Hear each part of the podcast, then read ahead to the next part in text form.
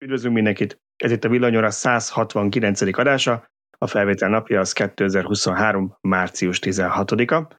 Antolci Tibor, a főszerkesztők az egyik részvevő. Szia Tibor! Sziasztok! A másik meg természetesen Szűcs Gábor, az a Szöcske. Szia Gábor! Sziasztok! Én pedig Bíró Balázs vagyok. Nézzük, mi mindennel készültünk a mai napra. Elég sok érdekesség történt az elmúlt héten, úgyhogy mindenképpen beszélni fogunk a Volkswagen ID2 All, szóval az ID2, az új ID2 premieréről, ki mit gondol róla. Aztán most már végre Szöcske elmondhatja, hogy mi is volt az a Lexus, amit vezetett, és hogy mit lehet tudni erről az elektromos, vagy teljesen elektronikus kormányról, inkább így mondom. Aztán BZ4X, ha már itt jártunk akkor a testvérmodellről, mondjuk el, szerintem múltkor arról nem beszéltünk, hogy milyen frissítések érkeznek a, az autóhoz, és az, arról neked is kicsit beszéltek ott a Lexusnál, mert hogy nyilván hasonló a szoftver, úgyhogy arról szerintem kicsit csevegjünk. Megvásárolhatott extrák, volt egy cikkünk most a Mercedes kapcsán, korábban volt a BMW kapcsán, korábban volt a Tesla kapcsán, és mindig, amikor erről van szó, annyi komment van, hogy szerintem érdemes, hogy általánosabban kicsit beszélünk, hogy utólag megvásárolható extrákról ti mit gondoltok. Aztán volt egy interjúnk Kaderják Péterrel, amit szerintem kicsit promózzunk be, mert mindenképpen érdekes volt. Van egy olyan témánk, ami még nem ment ki szerintem a mi oldalunkra, de biztos mi is fogunk róla írni, ez a kitáncolnak-e 2035 mögül az EU-ban. Szerintem ez egy olyan téma, amiről érdekes, érdemes egy kicsit beszélgetnünk. És ha marad akkor a V4-es Superchargerek bekapcsolásáról, ami a mai napon, amikor ezt felvettük, meg is történt. Úgyhogy ennyi minden, amivel ma készültünk, mert persze majd lesznek kommentek az adás végén, de mielőtt bármibe belekezdenénk, iratkozzatok fel. Ugye, Tibor, látod? Képes vagyok felírni, felírtam magamnak a papírra. Iratkozzatok fel, kattintsátok be a kis harangot, lájkoljatok, kommenteljetek, tehát minden ilyet, amiért itt tarhálnak a youtube most mi is elmondtunk, és előre is nagyon szépen köszönjük. És most, hogy elvesztettük a hallgatók 70%-át, kezdjük meg az adást. Nem, azt, azt mondjuk azért el, hogy itt a, erre azért van szükség, mert a YouTube algoritmus azt figyeli, hogy egy videóval milyen interakciók történnek. És igazából nem is az a lényeg, hogy milyenek azok az interakciók, hanem hogy mennyi. Tehát megnézi száz ember, és hogyha abból mondjuk ötvenen valami lájkolták, hozzászóltak, megosztották, bármit csináltak vele, vagy berakták a megnézendő videói közé, akkor az már azt jelzi a YouTube-nak, hogy ez egy fontos videó, és érdemes másoknak is megmutatni, hát ha másokat is érdekel a téma és uh, így tudunk eljutni minél több hallgatóhoz, nézőhöz a YouTube-on, és uh, hát mégse hiába csináljuk ezt az adást. Mondjuk mi jól szórakozunk így másfél órán keresztül, tehát akkor is megcsinálnánk, hogyha kutya nem nézné meg, de mégis azért jobban örülünk, hogyha ha ti is bekapcsolódtok egy kicsit ebbe a beszélgetésbe. De ha már itt vagyunk, elindult a villanyautósok TikTok oldala. Csak ennyi. Igen, ez, ez egy, lehet ez több, több időt megérne, csak annyit akartam mondani, Tibor, hogy akkor is megcsináltuk, inkább ugyan, akkor is megcsináltuk a villanyat, amikor senki nem nézte. nem kezd ilyen feltételes módba helyezni. Igen, tehát Jó, ott vagyunk TikTokon, okay. és, és sikerül, ugye, de ez egy komoly probléma, ha már erről beszéltünk kicsit, ugye, hogy kit hogyan érünk el, mert mi azt látjuk az adatokból, hogy az oldal olvasói, illetve a Facebook nem tudom mennyi adatot látni, a YouTube-on mindenképpen azt látjuk, hogy inkább ilyen 20 plusz, 25 plusz, inkább ezt mondom, és akkor így talán nagy lelkű volt a magunkkal, és hát TikTokon meg fiatalabbak vannak, úgyhogy szeretnénk kicsit a következő generációt, generációt is elérni. Szöcske már föltett szerintem kettő videót TikTokra, és csak úgy kerekek maradtak a szemeink, hogy mennyire jókat futott ahhoz képest. Az első az meghökkentően hogy... sikeres volt, a második az már nem annyira. Igen, mert a másodikban azt várták volna a, a nézők, hogy már éneklünk is. Vagy vetkőzünk, ez, vagy és még, még csak a azt, azt, azt nem biztos, hogy várják, de hogy legalább énekeljünk, vagy táncoljunk. Tehát. Igen, látjátok, át kell beszélnünk, hogy ki mit ért azzal, hogy megtartani a nézőt, mert nem biztos, hogy mindenki ugyanarra gondolt. Jó, na szóval ezek után az ilyen technikai dolgok után, akkor, sőt, előre vennék még egy technikai, ha már volt ilyen bocsánat, hogy szétofonom a saját akvantásváltatomat, de annyian, ugye kommentekről a végén fogunk beszélni, annyira írtátok a kommentekbe, akik YouTube-on követtek minket, hogy miért van 5 percenként reklám, meg hogy miért van ilyen sok reklám, ott is megválaszoltuk, de hagyd mondjuk el mindenkinek, hogy azt, hogy hány reklámot és azt hova rakja be a YouTube, azt nem mi döntjük el, hanem a YouTube algoritmusa megint csak. Mi annyit teszünk, hogy beixeljük, hogy ezen a videón mehetnek reklámok, és mindenfajta reklám mehet, ezt kiválasztjuk, ennyi, aztán a YouTube eldönti, hogy ő kinek, és hova, és hány darab reklámot rak be. Úgyhogy erről nem mi tehetünk, alapvetően így működik a YouTube elnézést.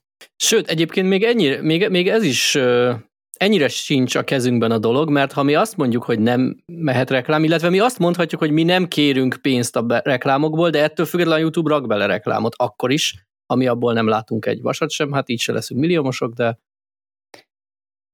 Hát, ja, igen, na, ezt, ezt ne ragozzuk ezt a témát, mert azok a számok, amiket a YouTube itt ír a, a bevételi oldalon, az katasztrofális. Sokan azt hiszik, hogy itt a YouTube-ból meg Már néha 10 de... dollár fölött van, úgyhogy ne, ne aggódj, Tibor, lesz volt, 15 is. Volt olyan adás, amikor nagyon magas volt a nézettség, és kemény igen. 10 dollárt kaptunk. Tehát az simán fedezi Balázs egész napos munkáját, amivel előkészíti az adásvázatot, megvágja az adást, stb. Meg mi itt vagyunk egy olyan két órát ahhoz, hogy másfél óra legyen belőle. Hát, ez a szerencse, hogy olcsó kelet-európai munkások vagyunk, és 10 dollár mindenre elég.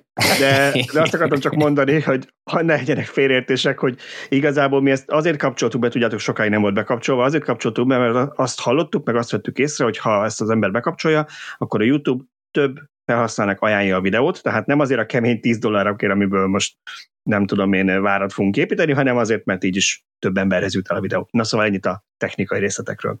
És akkor csapjunk bele, mégpedig Volkswagen ID2 ID2-hol.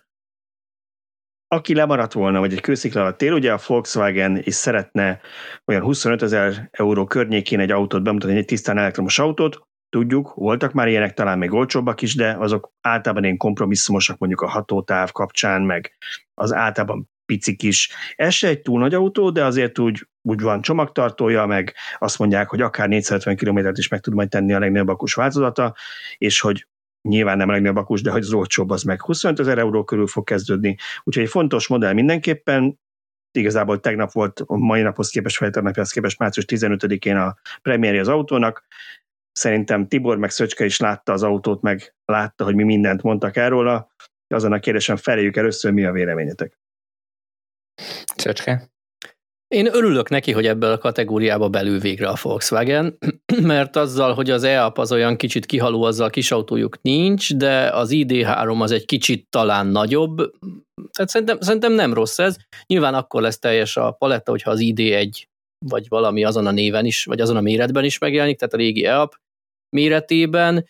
Erről Nekem egy kicsit olyan fura volt, ilyen, ilyen kettős ez az autó, mert ránézésre golf stílus, de már a fotókon vagy a videón is látszott, hogy ez inkább póló méret, és ezt nem is tagadják. Azt mondták, hogy kívül póló, belül golf, amit azért mondtak a, az ID is, hogy, hogy kívül akkora lesz, mint a régi transporter belül, meg akkora, mint az új, és talán azért ez egy kicsit túlzó, meg azt hiszem az ID3-ról is volt valami ilyen, hogy az már szinte passzat méret.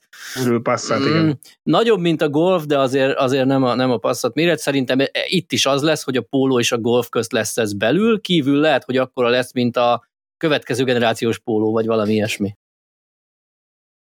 Én kicsit szomorú vagyok, hogy el vagyok keseredve, hogy dobták azt a menő dizájnt, és, és újra visszatértek ehhez a klasszikushoz. Egyébként valahol értem, mert biztos rengeteg olyan felhasználó van, olyan vásárló van, aki, aki ezt keresi. Nem akar különleges új formát, nem akar semmi menőséget, ő azt a klasszikus autót akarja, amit eddig is használt, picit modernebb vonalakkal, elektromosan és, és sajnos, vagy nem sajnos, nyilván az ő szempontjukból ez, ez így pozitív és így jó.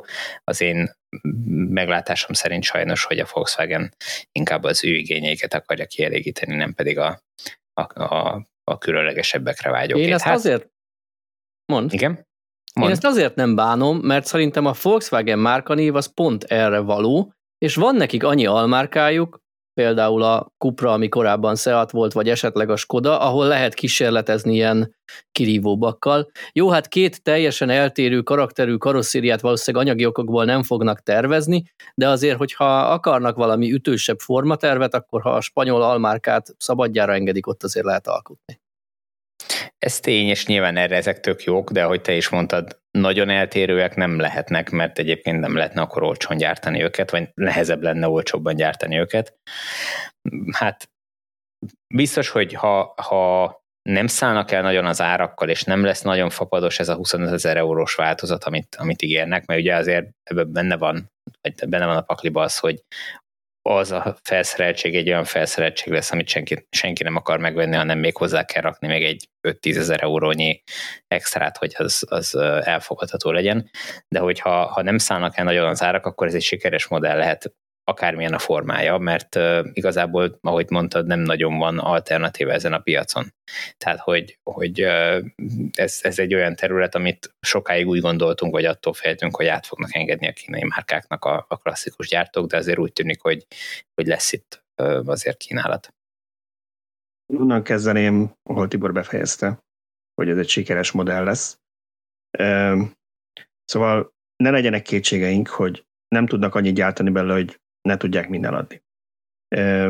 Annyian várnak, olyan régóta várnak arra, hogy megfizethetőbb áruviranyató legyen, és itt kis csillag akkor elnézést, hogy hosszú bőre leszem, de még ilyenkor előjön az, hogy hát mi az, hogy olcsóbb, hát ezek 10 milliós autókról beszélünk, ilyenkor ne a magyar bérekbe gondolkodjatok, ugye ezt nyilván elsősorban Németországhoz, Nyugat-Európához lövik be az árakat, ott ezt nem családi autónak veszi valaki, mint nálunk az emberek vették a táliákat, hogy még egy ilyen csúnya kinövéses autót is kellett a Renault-nak faragni a Clio-ból azért, hogy a Kelet-Európában ezt, ezt használják családi autónak. Ez ott tipikus a második autó, vagy valakinek az első autója, ezeket nem, nem, nem nagy családok veszik. De a lényeg az, hogy, hogy nagyon sokat fognak belőle biztos eladni, 25-re ígérik, szerintem az valószínűleg 25 második fele vége, amikor majd csak elkezdik, 26 előtt nagy volumen ne várjatok belőle, tehát mindezzel együtt biztos, hogy sikeres lesz. Én is kicsit csalódott vagyok viszont, hasonlókokból, mint Tibor. És én megértem, ha a Volkswagen azt mondja, hogy az ő vásárlói konzervatívabbak. Ez volt a visszajelzés, és, és ezért nem volt annyira sikeres az idés sorozat eddig, mint szerették volna. Csak nekem az a bajom, hogy szerintem túl sokat léptek vissza. Tehát ha, ha őszinték akarunk lenni, akkor annak a német újságírónak volt igaza, aki a első ember volt, akit megszólaltattak a Volkswagen-nél a premier után, és hát szerintem a marketinges ott kapott agyvérzést abban a pillanatban, hogy a hölgy azt mondta, hogy neki nagyon tetszik ez az e-póló. Na most Szerintem ezt azért nem akarták volna, hogy ez legyen a reakció, de hát ez igazából, ha most azt mondanád nekem, ez egy ránc, az ráncfelvart póló, mert nem is azon új póló, ez a póló ráncfelvarása, elhinném.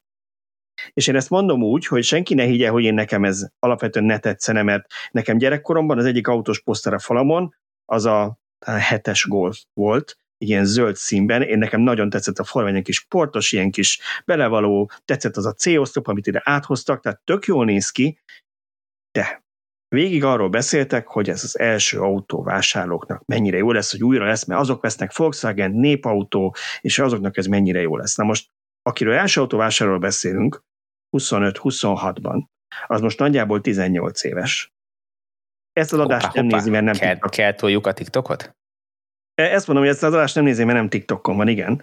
És amikor kiáll a színpadra, a ránézésre is nem néztem utána, olyan 50-es főtervezője a Volkswagennek, meg a hasonló korú igazgató, és azt mondják, hogy ez az autó cool, akkor nem tudtam nem viszketni.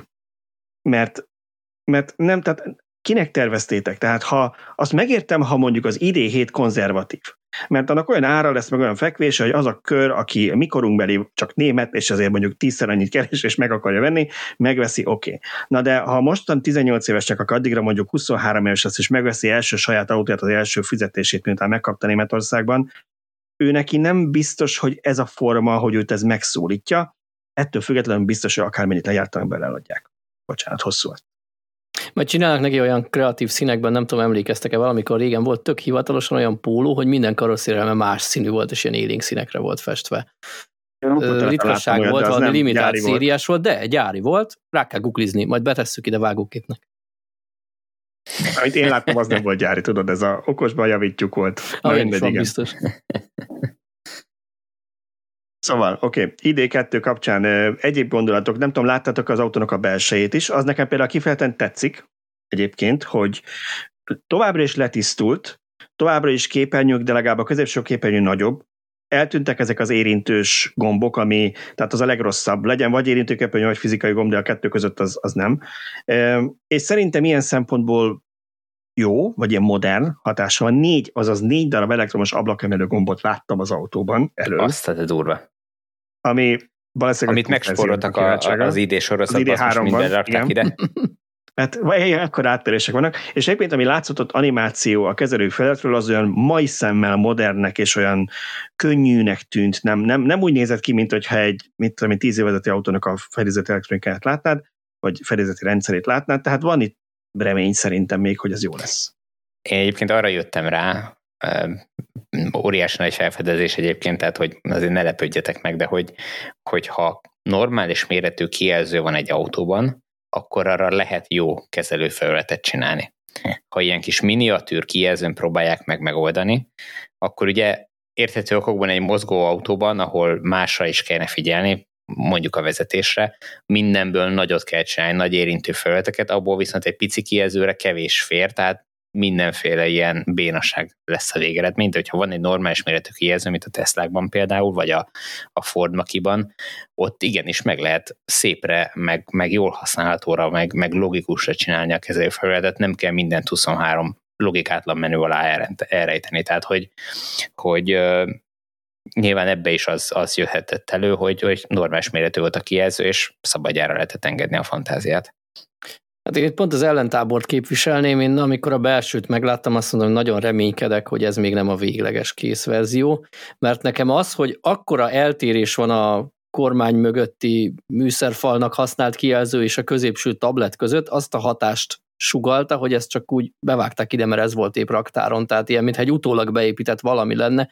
Jó, persze sokan mondták, hogy a Model Y középső tabletje is olyan, hogy mintha csak oda lenne téve, és mégis megszoktuk, de ebbe a kis autóba az a bazi nagy képernyő, biztos jó, hogy nagy, de valahogy integrálják már szebben, vagy nem tudom, ugye manapság divat ez, hogy beteszik egy panel alá a két kijelzőt, tehát már ha ott valahogy összenőne, már az is jobb lenne, de így olyan odafaragott hatást keltett nekem. Tudjátok, mi a baj az összenőtt kijelzőknek? Az, hogy általában nagyon messze van a, a felhasználótól.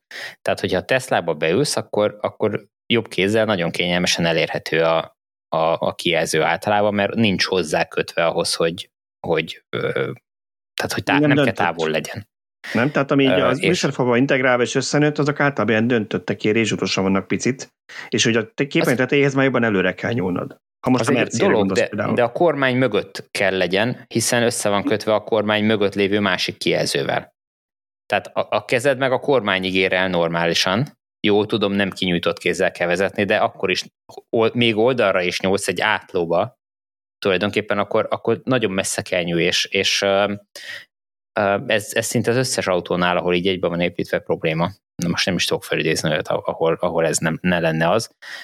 Még a Tesláknál pont annyival hozzák előre. Ez a két-három centi, az pont annyit számít, hogy kezelhetőségben jó legyen. Na de ez, ez egy kis autó lesz ez az e-polo, úgyhogy itt igazából azért felesleges a négy ablak emelő, mert simán át tudnál nyúlni az utas oldalra, és ott leengedni, hogyha senki sincs. Egyébként én pont a kis autó mi volt, amiatt mondom azt, hogy bár nekem alapvetően tett, tetszik, mert hogy esztétikailag ez, a, ez az egyben öt, hogy az egész műszerfa gyakorlatilag egy kijelző. Hozzáteszem, itt várnám, hogy valaki, főleg akinek annyi pénze van, meg olyan drágán hogy az autót, mint a Mercedes eqs most megre ne csaljon, és ne három LCD kijelző legyen beépítve egy fekete üveglap alá, hanem akkor tessék egy, egy méretre gyártott OLED panelt berakni, ami ténylegesen egy kijelző, zárójelbe zárva, de hogy de hogy pont olyan kis autóhoz egyben lenne építve, szerintem annyira zárt érzetet kell, de nincsen olyan nagyon sok tér. Itt az, hogy, az, hogy ez egy külön képen, szerintem ez szellősebbé teszi előtted, de hát ezek már elég részletek, majd meglátjuk, hogy ha egyszer beülhetünk, hogy milyen ez a valóságban. Szerintem, szerintem nem rossz a belterés, egyébként amíg, amíg érdekes, hogy eltűnt az ID3-ról, nem ID3-ról, mi az BMW3, majdnem i3-ról kölcsönzött, hogy így mondjam, váltó, én úgy látom, legalábbis én nem láttam ilyet a kormány mögött, aminek én nagyon örülök, mert szerintem az egy rossz konstrukció, az én személyes véleményem. Én, én, én, én, én átadtam be rosszul, ilyen autóból öltem, sose láttam, hogy mit csak így érzésre kattinat. Igen, hát, mert Azt nem látott is pont, probléma. úgy van. És lerakták úgy, mint mondjuk a kiákba, egy ilyen tekerőgomba jobbra, ami szerintem jól is néz ki, meg, meg jó helyen van. Ebbe az a vicc, hogy a Hyundai Kia épp most hozza fel a kormány mögé. Az új, új Konában és a Kia EV9, ami szintén március 15-ére úgy látszik a, a magyar ünnep az ilyen autóbemutatókat szült idén. Kedveskednek a magyar újságíróknak, hogy dolgozzanak 15-én. szóval ez ebbe a kettőbe pont felkerült a, a kormányoszlopra. Egyébként vicces ez a magyar ünnepekre időszített nemzetközi bemutatók, a, a Pixinfon mi évekig azzal küzdöttünk, hogy az új fényképezőgép bejelentések mind augusztus 20-án voltak. Ami tök szívás, mert Magyarországon senki nem olvasta, mi meg dolgozhattunk az ünnepnapon is, hogy, hogy kín legyen az anyag, főleg bőrdé, de hogy katasztrófa volt. Um, igen, a, a megfejtés az lehet, hogy az, hogy a Volkswagen azért rakta le középre a tekerőt, mert a nagy beszállítóknál már csak olyan volt, mert a, a kormányoszlopra szeret tekerős irányváltót az elvitte a Hyundai. Hát vagy az lehet a másik, hogy ha a kormányoszlopon marad, akkor kitakarta volna a középső hatalmas képernyőt a Látusz. Igen, egyébként még, még valami, aki, ha már erről beszélünk, ugye képek voltak a, a cikkünkben erről, tehát nem videó, és élőben szerintem tudom, ez csak gimmick, de jó pofa volt, jól nézett ki. Ö, ö, ilyen élménynek, amikor beültél az autóba, elindult a központi kijelző, és akkor azt láttad, hogy a központi, az infotainment, ami középen van nagyobb képernyőn, így megjelent az autónak a kicsi mása, elindult balra, és átment a kormány mögötti képernyőre. És teljesen jól animálták le, hogy ilyen. Nem volt az, hogy még itt is, ott is volt, hanem így tényleg jól, mint hogyha átment volna oda. És hát úgy érezted, mint hogyha az egész egy felület lenne. Ez egy, ez egy kedves kis hatásnak éreztem. Nem ez a lényeg egy autónál. Nyilván csak mondom, hogy odafigyeltek a részletekre, amíg ez ugye ez a tipikus, hogy ez render és ez még jól néz ki, majd meglátjuk, ez hogy fog szaggatni, amikor, amikor a spórolás egyébben beleteszik azt a mai napon öt éve legyártott mobiltelefonnak a hardverét alá, és akkor majd csodálkozunk, hogy miért szaggat az a jó kis grafika, de... Igen, és akkor egyszerre mindkét kijelzőn ott lesz a, a kocsi, mert még nem ért át. Úgy fagy le, igen. Úgy fagy le, igen. Ami, ami nekem föltűnt egyébként a kocsiról, most nincsenek előttem a képem, de úgy rémlik, mint hogyha ugye átrendeztek volna az első kerékhez minden meghajtást, ugye? Uh-huh. És uh, hátul ennek köszönhetően nagyon mélynek tűnő csomagtartót tudtak kialakítani. Az, Tehát, hogy, az igen, az hogy, hogy, nekem is feltűnt, ott két rekesz is van. Nem igen. néztem, hogy nem ilyen hát most meg nem mondom, mennyi kilenc üveg van egy rekesz, mert ez, szerintem ez, ez, ez nyolc üveges rekesz volt, úgy láttam, mert négy-négy mhm. üveg látszott, és szerintem még négy, ami takarásban volt a grafikán. Nem tudom, hogy az kép volt-e inkább rendernek, mint az is, de mindegy. Lényeg az, hogy mellettem mi volt egy ilyen kis koffert, szóval nagyon nagy meg egy hátizsák, nagyon nagy csomagtart, lesz a csomagtartó alatt lévő rész hátul. Elől valószínűleg viszont nem lesz frank, mert igen, mindent előre pakoltak, és ott csurig van, úgy láttam. Hát valamit valamiért. Amit föltűnt, hogy ugye a gördeszka padlólemez, az a hátsó ülések alatt is teljesen sík, tehát ott, ott nem használták ki azt a területet, hogy, hogy oda építsék az akkumulátornak az elektronika részét. Ezt nem tudom, miért így csinálták, majd nyilván meglátjuk a ma a, a végleges autóban. Az, az előnye megvan, hogy ha alacsonyabban van a hátsó ülés, akkor több a fejtér. Nincs az, hogy... Hát oké, okay, csak a nyakadban van a lábad. Igen, ez egy kis autó itt, igen, amúgy is a nyakadban van a lábad. Bár azt mondták, hogy, hogy ugye nagyon sok nagy lesz a lábtér hátul, mert hogy elektromos platform, meglátjuk. Nekem egyébként furcsa ez, hogy elmondták, hogy hát most hát visszatértek az első kerékhajtáshoz, és, és hogy az első MRV platformos autó, ami első kerékhajtású. Én, én ennek nem biztos, hogy örülök, de rájuk hagyom, ha jól csinálják, biztos jól csinálják, mert én például ugye a családi níróban szoktam azt érezni, hogy azért van nyomaték egy ilyen villanymotorban, és nem tudok annyira finoman, ez csak a Teslázon szokott a lábam, nem tudok annyira finoman rá kázra, hogy ne pörögjön ki az első kerék, és ne érezzem azt, hogy annyira könnyű az autó eleje, hogy én, én szerintem szimpatikusabb egy villanyautóban a hátsó kerékhajtás a kormányzás miatt, de lehet ez biztos jól is csinál. Megerősítem, ezt sosem bírtam megszokni a Níróban. Tehát én ellenpéldaként a, a minit tudom hozni, az szintén első kerékhajtású, és veszett jó. Nem tudom, hogy hogy csinálták, de az, az nem pörög ki, hanem gyorsul. Tehát, hogy ez, az valahogy nagyon ügyesen megoldották a, a súlyelosztást, bízunk, vagy Bízunk benne, bízunk benne, biztos tudja, az volkswagen tudnak autót építeni, biztos nem, nem tőlünk tudják meg, hogy erre oda kell figyelni. Na jó, ja, szóval ja. ez mind, ez mind nagyon szép és jó. Két dolgot még azért mondanék az autóval kapcsolatban, mielőtt tovább megyünk. Egyik az az, hogy ami Tibornak szól információ, hogy azt mondta a Volkswagen, és ez Baláska elfejtette nagy lelkesedésébe belérni a cikkbe, hogy level 2 plusz ö, rendszer lesz az autóban, ami nem tudom mit jelent, mert a level 3-ról tudjuk, hogy szélcsendben, árnyékban, autópályán egyenes vonalban 60-ig megy, a level 2 plusz azért nem tudom mit jelent, de, de nem akarják bele kisporolni, hogy ez a széria lesz vagy nem, azt nem tudom, de lesz benne valami vezetés támogató azért. Tök jó. A másik pedig az, és azért zárnám csak ezzel, mert ilyenkor szoktak a félreértések generálódni, ami a következő két évben majd csak szítja magát. Tehát amikor egy autógyártó azt mondja nektek, hogy ez 25 ezer eurós autó, mi meg átfordítjuk, hogy ez nagyjából 10 millió forint, akkor egy, Magyarországon nem 19% az áfa, mint Németországban, hanem 27. Kettő, mai árakról beszélünk, lehetséges, hogy mi odaérünk, ez ennyivel inflálódni is fog, és akkor még a forint árfolyamról nem beszéltem. Három, ez mindig az alapár, és mint ott látsz a, a specifikáció között, hogy 450 km-es hatótáv, milyen gyorsulás, milyen felszereltség, 20-as kerekek, na ez maga top modell. Jó? Szóval, hogy senki ne azt várja, hogy ezt kapja, ne legyen igazam, de szerintem senki ne azt várja, hogy 10 millió forintért ezt kapja, az az alap belépő szintű modell lesz. Bizony, ez nagyon fontos. Az eurozóna inflációja jelenleg valami 8% ha jól emlékszem. Jó, ezt talán legyűrik jövőre, bár most épp bankcsődök vannak, na mindegy, nem menjünk el gazdasági lapirányba. De ha, ha csak egy ilyen 5-6 százalékos inflációval számolunk a következő két-három évre, plusz ezt egy 600 forintos enru árfolyam 2026-ra, akkor könnyen 15 millió lesz ez a 10 milliós autó. Tehát aki meg akarja ezt majd venni három évben, azt most vegye meg az eurót. Ez egy, ez egy nagyon jó döntés. Vagy fektesse be valamibe, igen, és, és utána meg lesz a pénze, igen. Jó, bármit szeretnétek még az ID2 kapcsán, ID2? Szerintem lépjünk túl, mert szöcske, szöcskéből nagyon kikívánkozik a Lexus téma. A világ egyik legnagyobb autógyártóját ki, kiveséztük, akkor lépjünk a másikra, ami a Toyota, akihez tartozik a Lexus, ugye? És most már nem embargós, úgyhogy beszélhetek a vezetési élményeimről, amit az RZ 450-nel szereztem. És nem véletlenül Oda írtam teszem, azt ezt, a, ezt az embargó igazából csak téged zavart, meg minket zavart, úgy érzem, mintha más nem autós oldalakon, meg Facebookon láttam volna videók, no mindegy, szóval, hogy igen. Igen, de ők, hát úgy, ők úgy mondták el, hogy nem az én élményem, csak ezt olvastam róla, és akkor már úgy érezték, hogy ezzel kikerülték az embargót. Szóval... Egyébként most csak, hogy magunk közt ezt tök baromság ilyeneket kérni, hogy írhatsz, meg bemutathatod az autót, csak az élményeidről nem írhatsz. Most ez akkor, akkor mit? Tehát, hogy Hát biztos gondolták, hogy akkor két cikk lesz az autóról, egyikben bemutatjuk, hogy ilyen szép a színe, a másikban meg, hogy ilyen vezetni, de szerintem azzal csak szétszabdaltuk volna az olvasókat. Nyilván van olyan modell, amiről érdemes kettőt többet írni, ez a Lexus, amellett, hogy nekem abszolút pozitív csalódás volt, azok után, amilyen élményeket a BZ4X-ről olvastam más autós újságíróktól, ugye azt én még nem próbáltam, vagy nem, nem volt nálunk, nem vezettük. Szóval azok után nekem abszolút pozitív csalódás volt, és és ami a legnagyobb pozitív csalódás volt, ez az a elektronikus kormány benne. Nem véletlenül, nem kamuból vagy, vagy a Lexusnak benyalásból írtam ezt, hogy minden autóba ilyen kormányt vezetnék, vagy szeretnék, nekem nagyon bejött.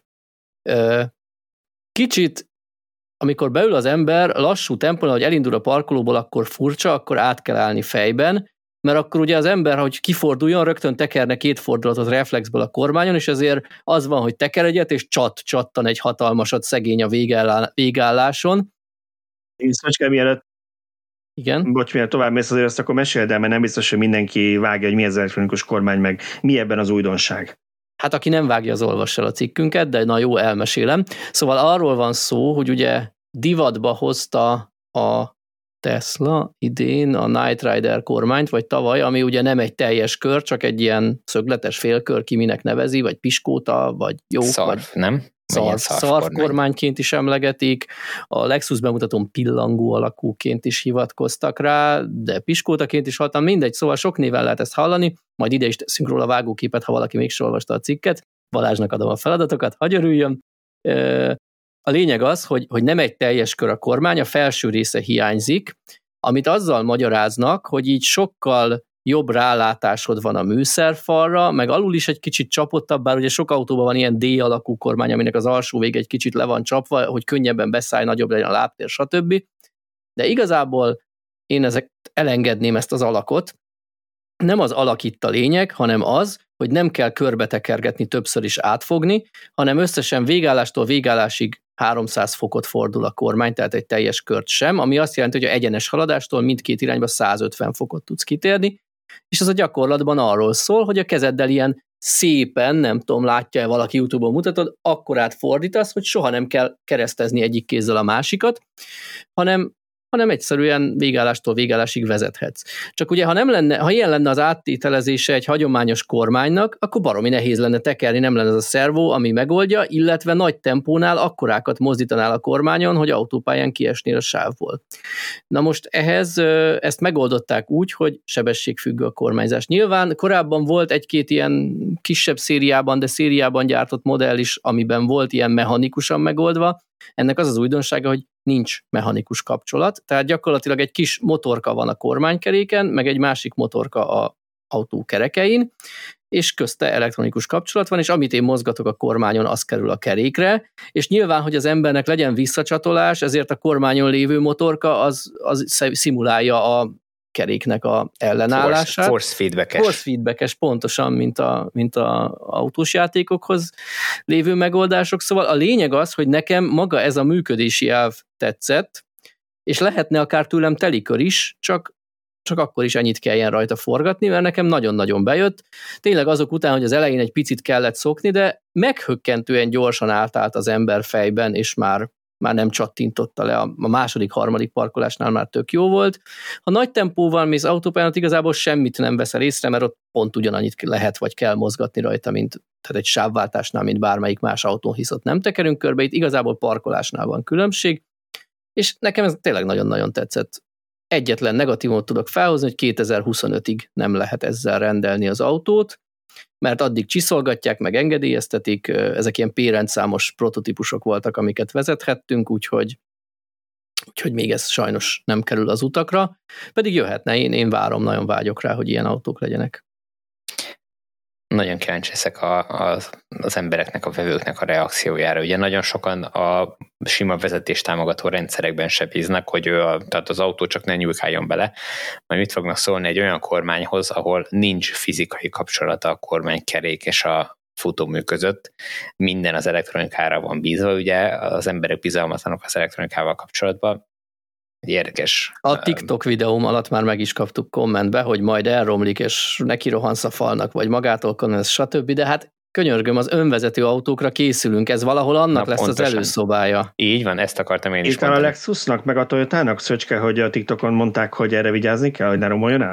igen, igen. Lehet, nem tudnak róla a fejlesztőmérnökök, hogy lehet Azért ugye ezt tudjuk, hogy többszörösen redundánsan csinálják ezeket a rendszereket, tehát nem azon, hogy van egy darab madzag, és jön MacGyver elvágja, és akkor mind meghalunk, hanem, hanem azért itt egy, egy több egymástól független ö, rendszernek kell lenni. Ugye így működnek egyébként ma is az elektronikus gázpedálok, még a hagyományos autóban is, hogyha az egy elektronikus gázpedál, nem egy darab szenzor van. Emlékezzetek vissza, amikor a Tesla-val kapcsolatban voltak ezek az öngyorsulásos, hogy magától gyorsult, és jöttek ezek a, a perek, amik nyilván utána elbukták, hogy ez minden gyártónál lenni szokott, mert hogy ez user error volt. Ott, ott voltak olyan dokumentációk, amiket mi is közé tettünk, ahol látszott, hogy hogy épül fel. Azt hiszem kettő vagy három egymástól függet, teljesen független szenzor van. Biztos vagy hogy a, hogy a Toyota-nál, meg a Lexusnál a kormány is hasonló, nem egy darab szenzor, meg egy darab vezeték van benne. Na de ne csak a kormányáról beszéljünk, főleg azért, mert ez még két év múlva jelenik meg, hanem egy nagyon kicsit azért beszéljünk magáról az autóról. Az autó maga szerintem tök jó, egy dolgot pozícionáltak el talán kicsit, hogy pont abba a kategóriába érkezett, ahol legnagyobb a verseny jelenleg. Tehát ez a közepes, vagy inkább közepesnél nagyobb méretű SUV kategóriába lőtt be a Toyota és a Lexus az első elektromos autójával, és erre azt mondom, hogy egy kicsit kevés, túl drágán. Tehát amikor 20 millió forintért Model Y-t lehet kapni, akkor nagyon nehéz valakit meggyőzni, hogy 27 kötőjel 33,5 millióért, és abban még nincs metálfény, nem hogy kétszínű, de egyszínű se. Szóval, hogy annyiért Lexus-t vegyen, ami egy kicsit kisebb hatótávú, egy kicsit többet fogyaszt, bár kétségtelenül baromi jó anyagokból építkezik. Amivel viszont rengeteg régi Lexus és Toyota rajongót meg fognak fogni, az a 10 év vagy 1 millió kilométer akugarancia. Hát itt az 1 millió kilométert én kvázi korlátlannak tudnám fordítani, mert egy viszonylag kis hatótávú elektromos autóba kétlem, hogy 10 év alatt sokan fognak beletekerni 1 millió kilométert. Lehet, hogy lesz egy-két taxis, aki tényleg nagyon elvetemült, bár ők meg szerintem nem annyira Lexus vásárlók, de nem tudom, lehet, hogy a világ gazdagabbik felén van ilyen. A lényeg az, hogy nem hiszem, hogy sokaknak tíz éven belül meg lesz az egy millió kilométer, úgyhogy ezt tényleg úgy, úgy tudnám lefordítani, hogy kilométertől függetlenül tíz év garancia van az akura. És ugye 70%-os akkugarancia, ezeknek az akkugaranciáknál mindig fontos elmondani, hogy mit garantálnak. Nem azt mondják, hogy ha 1%-ot romlik, akkor kapsz egy új akut, hanem azt garantálják, hogy nem fog 70%-nál rosszabb állapotra romlani 10 év alatt. De a Toyota, illetve bocsánat, a Lexus hozzátette ehhez, hogy a gyakorlatban ők azt várják, hogy a autóikban 10 évesen 90% körül lesz az akku állapota, és én hiszek nekik. Azért hiszek nekik, mert látva, hogy milyen akku degradációkat tapasztalunk korábbi autókon. Nyilván a, a legkorábbi, a 10 éves modellekben ott azért vannak durvábbak, de azokban jóval kisebb akku is volt. Tehát ebbe bekerül egy 71 kWh akku, aminek a nettója 64, de még pszichológiailag ezt tovább korlátozzák, ugyanis amikor 8% még van benne, akkor már nulla range fog mutatni az autó. Ha most ehhez hozzátesszük, hogy egy átlagos villanyautós, nem Tibor, aki OBD olvasóval nézi és kicentizi és hosszabbítót kell húzni neki a töltőtől, hanem tényleg egy átlag villanyautós, ő ő mondjuk azt mondja, hogy 20 km van benne, inkább nem megyek tovább. Na most ebben az autóban, amikor 20 km-t jelez ki, akkor lesz ilyen 15-20-25 százalék, attól függ, hogy hogy mentünk vele előtte autópályán vagy, vagy városban.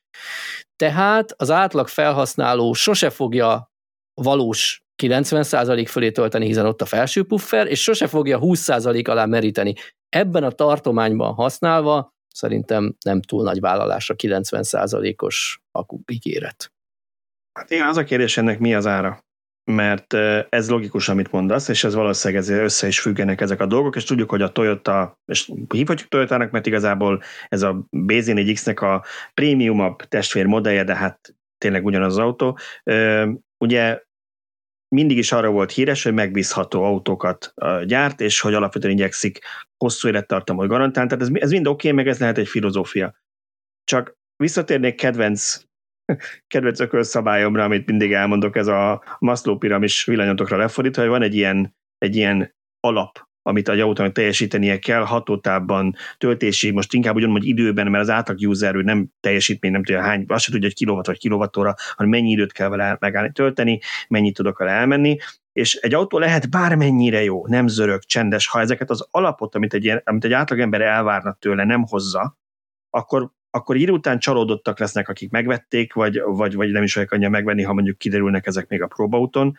És én azt látom, hogy picit átvezessem az update-re, ami azt mondtad nekem, amikor erről beszélgettünk, hogy ezen a Lexuson már valószínűleg rajta volt, ami nem sokára érkezik a Toyota verziókra, a BZ4X-re, mert az update-re nagyon nagy szükség van, mert jelenleg, amit kedvenc Björn barátunk tesztelt Norvégiában, az egy nagyon botrányos eredmény lett. Tehát most azt lehet csomagolni, de van neki ez a standard 1000 kilométeres tesztje, ahol ugye az van, hogy 9 óra 00 a, a plug-in hibridnek a szintideje, igazából egy belső és a motoros autó annyi időt teszi meg ezt 1000 kilométert, amire ő megy. A legjobb elektromosok 9 óra 5 meg 10 percen járnak most már, és ehhez 10 óra alá 14, már egyre többen bejönnek. Igen, és ehhez képest 14 és fél óra alatt tette meg a BZ4X, ugyanezt a távot 14 és fél óra alatt 9 óra helyett. Mégpedig azért, mert eleve alacsony hatótáv, eleve nem is enged még annyit sem, amennyire ne ugyanamiről beszéltél, eleve nem lehet rekord teljesítményen tölteni, bár azt hiszem talán 150 kW-ig tudna menni, ezért nem egy rossz érték nyilván, de, de annyira védik az akkumulátort, hogy például csak 24 órán belül kettő ciklusnyi ilyen nagy teljesítménytöltést engedélyeznek, utána le, leszabályoz, és ha már egy hosszabb távra szakadt, hogy háromszor kell tölteni, és utolsó töltésed pedig lassú lesz, és Björnnek valami hatszor hétszeket ezért megállnia vele tölteni, és ilyen, hát relatíve tragikus, ilyen 60-70 volt, amikor 30 valamennyi kilovattokkal töltött, Szóval ez szerintem átüti azt az alsó küszöböt, amit visszatér a benzineshez, aki, aki ebbe beleült és nekem mondhatja, hogy, hogy mennyire jó prémium anyagokból épül fel, először azt a szintet meg kell ugraniuk, mielőtt ezzel lehet hódítani. Ebben teljesen igazad van. Itt az a kérdés, hogy ezt az autót milyen célra és ki fogják megvenni. Tehát, hogyha ha ez egy relatíve kis példányban gyártott autó lesz, már pedig nem ebből tervez a millió számra gyártani a Lexus, ha jól tudom, akkor, akkor ezt valószínűleg inkább olyanok fogják venni, pláne ezen az áron, akik elkötelezett Lexus vásárlók, és mondjuk megveszik városi terepjárónak városi használatra, és gyakorlatilag a Balatonnál messzebbre nem fognak vele elmenni. És ilyen felhasználásnál ezek a problémák soha nem fognak előjönni. Most nem védeni, mert, mert egyetértek egyébként azzal, nem, amiket mondasz. Figyelj, logikus, amit mondasz, csak ezt megbeszéltük a Mazdánál is egy vagy két hete, ugyanerről beszéltünk, hogy miért nem lett annyira sikeres a Mazdának az elektromos autója, tök jól nézett ki, a Mazdát nagyon sokan kedvelik, egy jó nevű jó hírű gyártó, de, de ott is az, hogy annyira kicsi volt a hatótáv, és annyira kinkeserves emiatt normálisan használni. Persze, van az a használati mód, ahol ez tök elég, igazad van, és biztos van az a vásárlói réteg, aki megengedheti magának, hogy kvázi második autónak 30 milliós autót vegyen. De talán ez még Nyugat-Európában is a ritkább kategória, aki ennyiért de, de, de, de ezekből az autókból kb. ennyit akarnak eladni ezt, amennyire ritka ez a Nyugat-Európában is. Tehát, hogy... Tudjátok, mikor lesz ezzel bajban a Lexus? Amikor megvesznek egy Lexus rajongó család, apának, anyának Lexus hibridje van jelenleg. Azt mondják, hogy környezetvédők vagyunk, meg nyitottak az újdonságra, az egyik autót lecseréljük tisztán elektromosra, erre nyilván Lexus-t veszünk. És ők eddig nem vezettek elektromost, mert Lexus rajongók, és rájönnek, hogy ez baromi jó, én ilyet akarok a másik helyett is. És bemennek a Lexus kereskedésbe fél év vagy egy év ö, RZ450 használt után, és azt mondják, hogy kérek egy nagy hatótávú tisztán elektromost, és azt szétteszi a kezét a kereskedők, hogy nincs. És itt fog ő elkezdeni keresgélni, hogy akkor mit, mit vegyek. BMW-t vegyek, vagy Teslát vegyek, vagy mit vegyek, aki, aki kínál praktikusabb, használhatóbb, ami már első autónak is megfelel. Hát mondjuk a, annyi, hogy a Lexus 2030-ig teljes átállást ígér, tehát ők se akarják megvárni a 35-ös dátumot, amiből mindjárt kitáncol az EU, de de mm, szerintem, hát nem tudom, bízunk benne, hogy lesz, lesznek néhány éven belül olyan Lexusok is, amiben nagyobb akku van. Illetve még egy dolgot tennék ide, a Toyota aktuális mantrája az, hogy azért vegyünk hibridet, akár leginkább öntöltőt, de esetleg plug-in hibridet a tisztán elektromos helyett, mert egy tisztán elektromos autó akkujából meg lehet építeni 100 darab hibridet. Ez még szerintem eleve csúsztatás, én utána néztem, hogy ilyen 1,3-1,6 kWh akku kerül egy átlagos Toyota hibridbe ma. Ha most, tehát akkor lehetne ebből százat építeni, ha egy átlag villanyautóban 130-160 kWh akku lenne, valójában szerintem ilyen 50-80 az átlag, tehát inkább csak 40-50-et lehet. Na de én egy kicsit megfordítanám ezt a kérdést. Értem, hogy 10 év és 1 millió kilométer garancia. Na de hello, ha beépítünk 71 kWh akut, amiből maximum 64-et, de a gyakorlatban inkább 50-et, 55-öt engedünk felhasználni a felhasználónak. Ha ehelyett egy kicsit elengednénk ezt a stresszt, és lazábban mernénk kezelni a dolgot, akkor 100 helyett 150 darab elektromos Lexus lehetne egységnyi akkuból építeni. Hát, igen, igen. másfélszer akkor akku van az autóban, mint, mint amit az átlag toyota így elhasznál belőle, nem? Igen, és ez elég nagy Balázs, Balázs mondta, hogy mi ennek az ára. Igen, többek között ez is az ára, hogy... A nagyobb súly, a magasabb ár. Valakinek ki kell fizetni azt az 50% akut, amit az életben nem fog kihasználni az átlag felhasználó. És a, és a városban azt mind, minden alkalommal gyorsítani és lassítani kell. Azt az 50%-kal nagyobb. Hát erről akut. beszéltünk, hogy a német modellekről, és mindig azt mondtam, hogy amikor így elkezdték a németek igazán gyártani, főleg az Audi ezeket a prémium villanyautókat, ugye akkor az volt a taktika, hogy mindig úgy mondom, hogy izomból oldják meg, és egy viszonylag nagy akut tettek bele elég nagy nettó-bruttó különbséggel, és így például egészen magas lehetett tartani a töltési teljesítményt, tehát voltak ennek előnyei nyilván. A, a user szempontjából, hogy azt látta, hogy hát milyen szépen tölt az autó, de hát az árában, meg az autó súlyában, meg minden egyébben kifizette azt, hogy, hogy ennyivel nagyobb akku van benne, mert még nem tartottak ott annyira hatékony legyen, ezért izomból tolták, hogy legyen nekik is ilyen prémium. Szóval ennek valahol ára mindig van. Na de, de hogy nézzük, hogy mi érkezik ebbe az update-be. Ezt akartam mondani, hogy valami jóról is beszéljünk, hogy mik érkeznek az update-be. Szöcske, neked, ha te elmondták, akkor nyugodtan mond végig, hogy miket tudsz, vagy ha gondolod. Akkor fejből mondanám úgy, hogy kevésbé vagyok összeszedett. A lényeg az, hogy, hogy ott is feltettem én ezt a kérdést, ugye még ez a tesztút előtti beszélgetésem volt, hogy ott, ott a Lexus sajtósaival, külföldi sajtósaival is cseveghettünk egy vacsoránál, és megkérdeztem, hogy miért ilyen magas az alsó határ, ahol nem csak kírja és paráztat az autó, hanem már vissza is veszi a teljesítményt, és, és valami olyasmit mondott, hogy hát ezért fog jönni ez az update, mert nem úgy gondoltuk, hogy a felhasználóink le fognak meríteni nulláig, de azt látjuk, hogy valójában nem, megállnak 20-30 km hátralévő hatótávnál, ezért engedhetjük lentebb. Tehát a lényeg az az, hogy növelik az akku kihasználható kapacitását, amit nyilván egy egyszerű szoftver frissítéssel meg tudnak tenni. És a másik, hogy eddig a gyors töltéseknél hát annyi, is nagyon-nagyon óvták. Annyi, hogy Igen mondjunk egy kis adatot, mert ugye Bjorn is elhívták egy elbeszélgetésre a toyota amikor megtudták, hogy kölcsön kapott egy ilyen autót, gyorsan megelőzőleg, és azt mondták neki, hogy 10-15 százalékkal lesz nagyobb a valós hatótávja az autónak ezért. Hát én ugye azt nem tudom, hogy a, a BZ4X-ben most hol ír nulla range a szoftver, de erre kifejezetten rákérdeztem, hogy ez a 8 százalék, ez már a szoftver frissítés utáni. Tehát ami a Lexusnál 8 százalékos felhasználható, tehát ez hangsúlyozom, ez nem alsó puffer, még 8 százalékot felhasználhat a, a megállásig az, akkuból a, az autós, ez jelenti a nulla range és ez a BZ4X-nek a frissítés utáni eredménye, tehát most valahol, ha Björnnek ilyen 10-15 százalékos engedélyt adtak, most azt jelenti, hogy valahol 15-20 százalék környékén lehet az, ahol nulla range ír az autó, és, és nem csak, hogy nulla range ír, hangsúlyozom, tehát most ha valaki elég bátor, akkor még ott mehet tovább, de onnantól már fájdalmas lesz használata, mert visszaveszi a teljesítményt, ezt a Lexusnál tudom, hogyha range módba teszed, akkor 100 km per órába korlátozza a végsebességet, és nincs hűtés-fűtés. Tehát ha mondjuk télen a BZ4X jelenleg 20% felhasználható akukapacitásnál, ami alatt még van 3% puffer is, tehát 23%-nál azt mondja, hogy mostantól nincs fűtés, akkor nyilván megállsz tölteni. Amivel az a baj, hogyha ez nap, adott napon ez már a jelenleg harmadik frissítés után negyedik töltésed, akkor hiába a kecsegtető 150 kW-os 30 perces 20-80, a valójában az egy óra fölötti töltési időt jelent. Igen, Björnnek volt olyan tesztje, ahol ő 100 percet mért 20-80 százalékra a töltésben, pedig Norvégiában elég jó választék van nagy töltőkből, és azt ígérték neki, hogy ez 60 percre fog csökkenni a frissítés után. Tehát az ez a korlátozott idő valószínűleg a 60 perc. Én úgy gondolom, hogy amit a Lexusnál mondtak, hogy 30 perc, amikor még a első három töltésben vagy, az valószínűleg meg lesz a Toyotánál is, de hát majd meglátjuk. Igen, akkor most visszakérdeznék Tibortól, aki, aki mondta, hogy, hogy van az a vásárjáték, hogy ki az a vásárjáték, aki fűtés nélkül szeretne százzal menni az úton, és nem zavarja. Nyilván nincs, nyilván nincs ilyen, de, de ahogy mondtam, ezekkel nagy valószínűséggel nem fognak elindulni hosszabb utakra ezekkel az autókkal. Tehát, hogy, hogy ez, Na, ez, ez lesz a város. De hogy ne, ne csak, ne csak, autó. ne csak frostizzelek tényleg, tehát amit elmondott Szöcska, mert ugye a DC töltésnek ezt a két, két kettős limitjét, 24 órán belül kétszer tölthet egy nagy teljesítmény az autót teljesen, tehát két ciklust enged, azt 3,86-ra emelik, ami hogy jött ki, ezt nem tudjuk, de valószínűleg kilovattórában.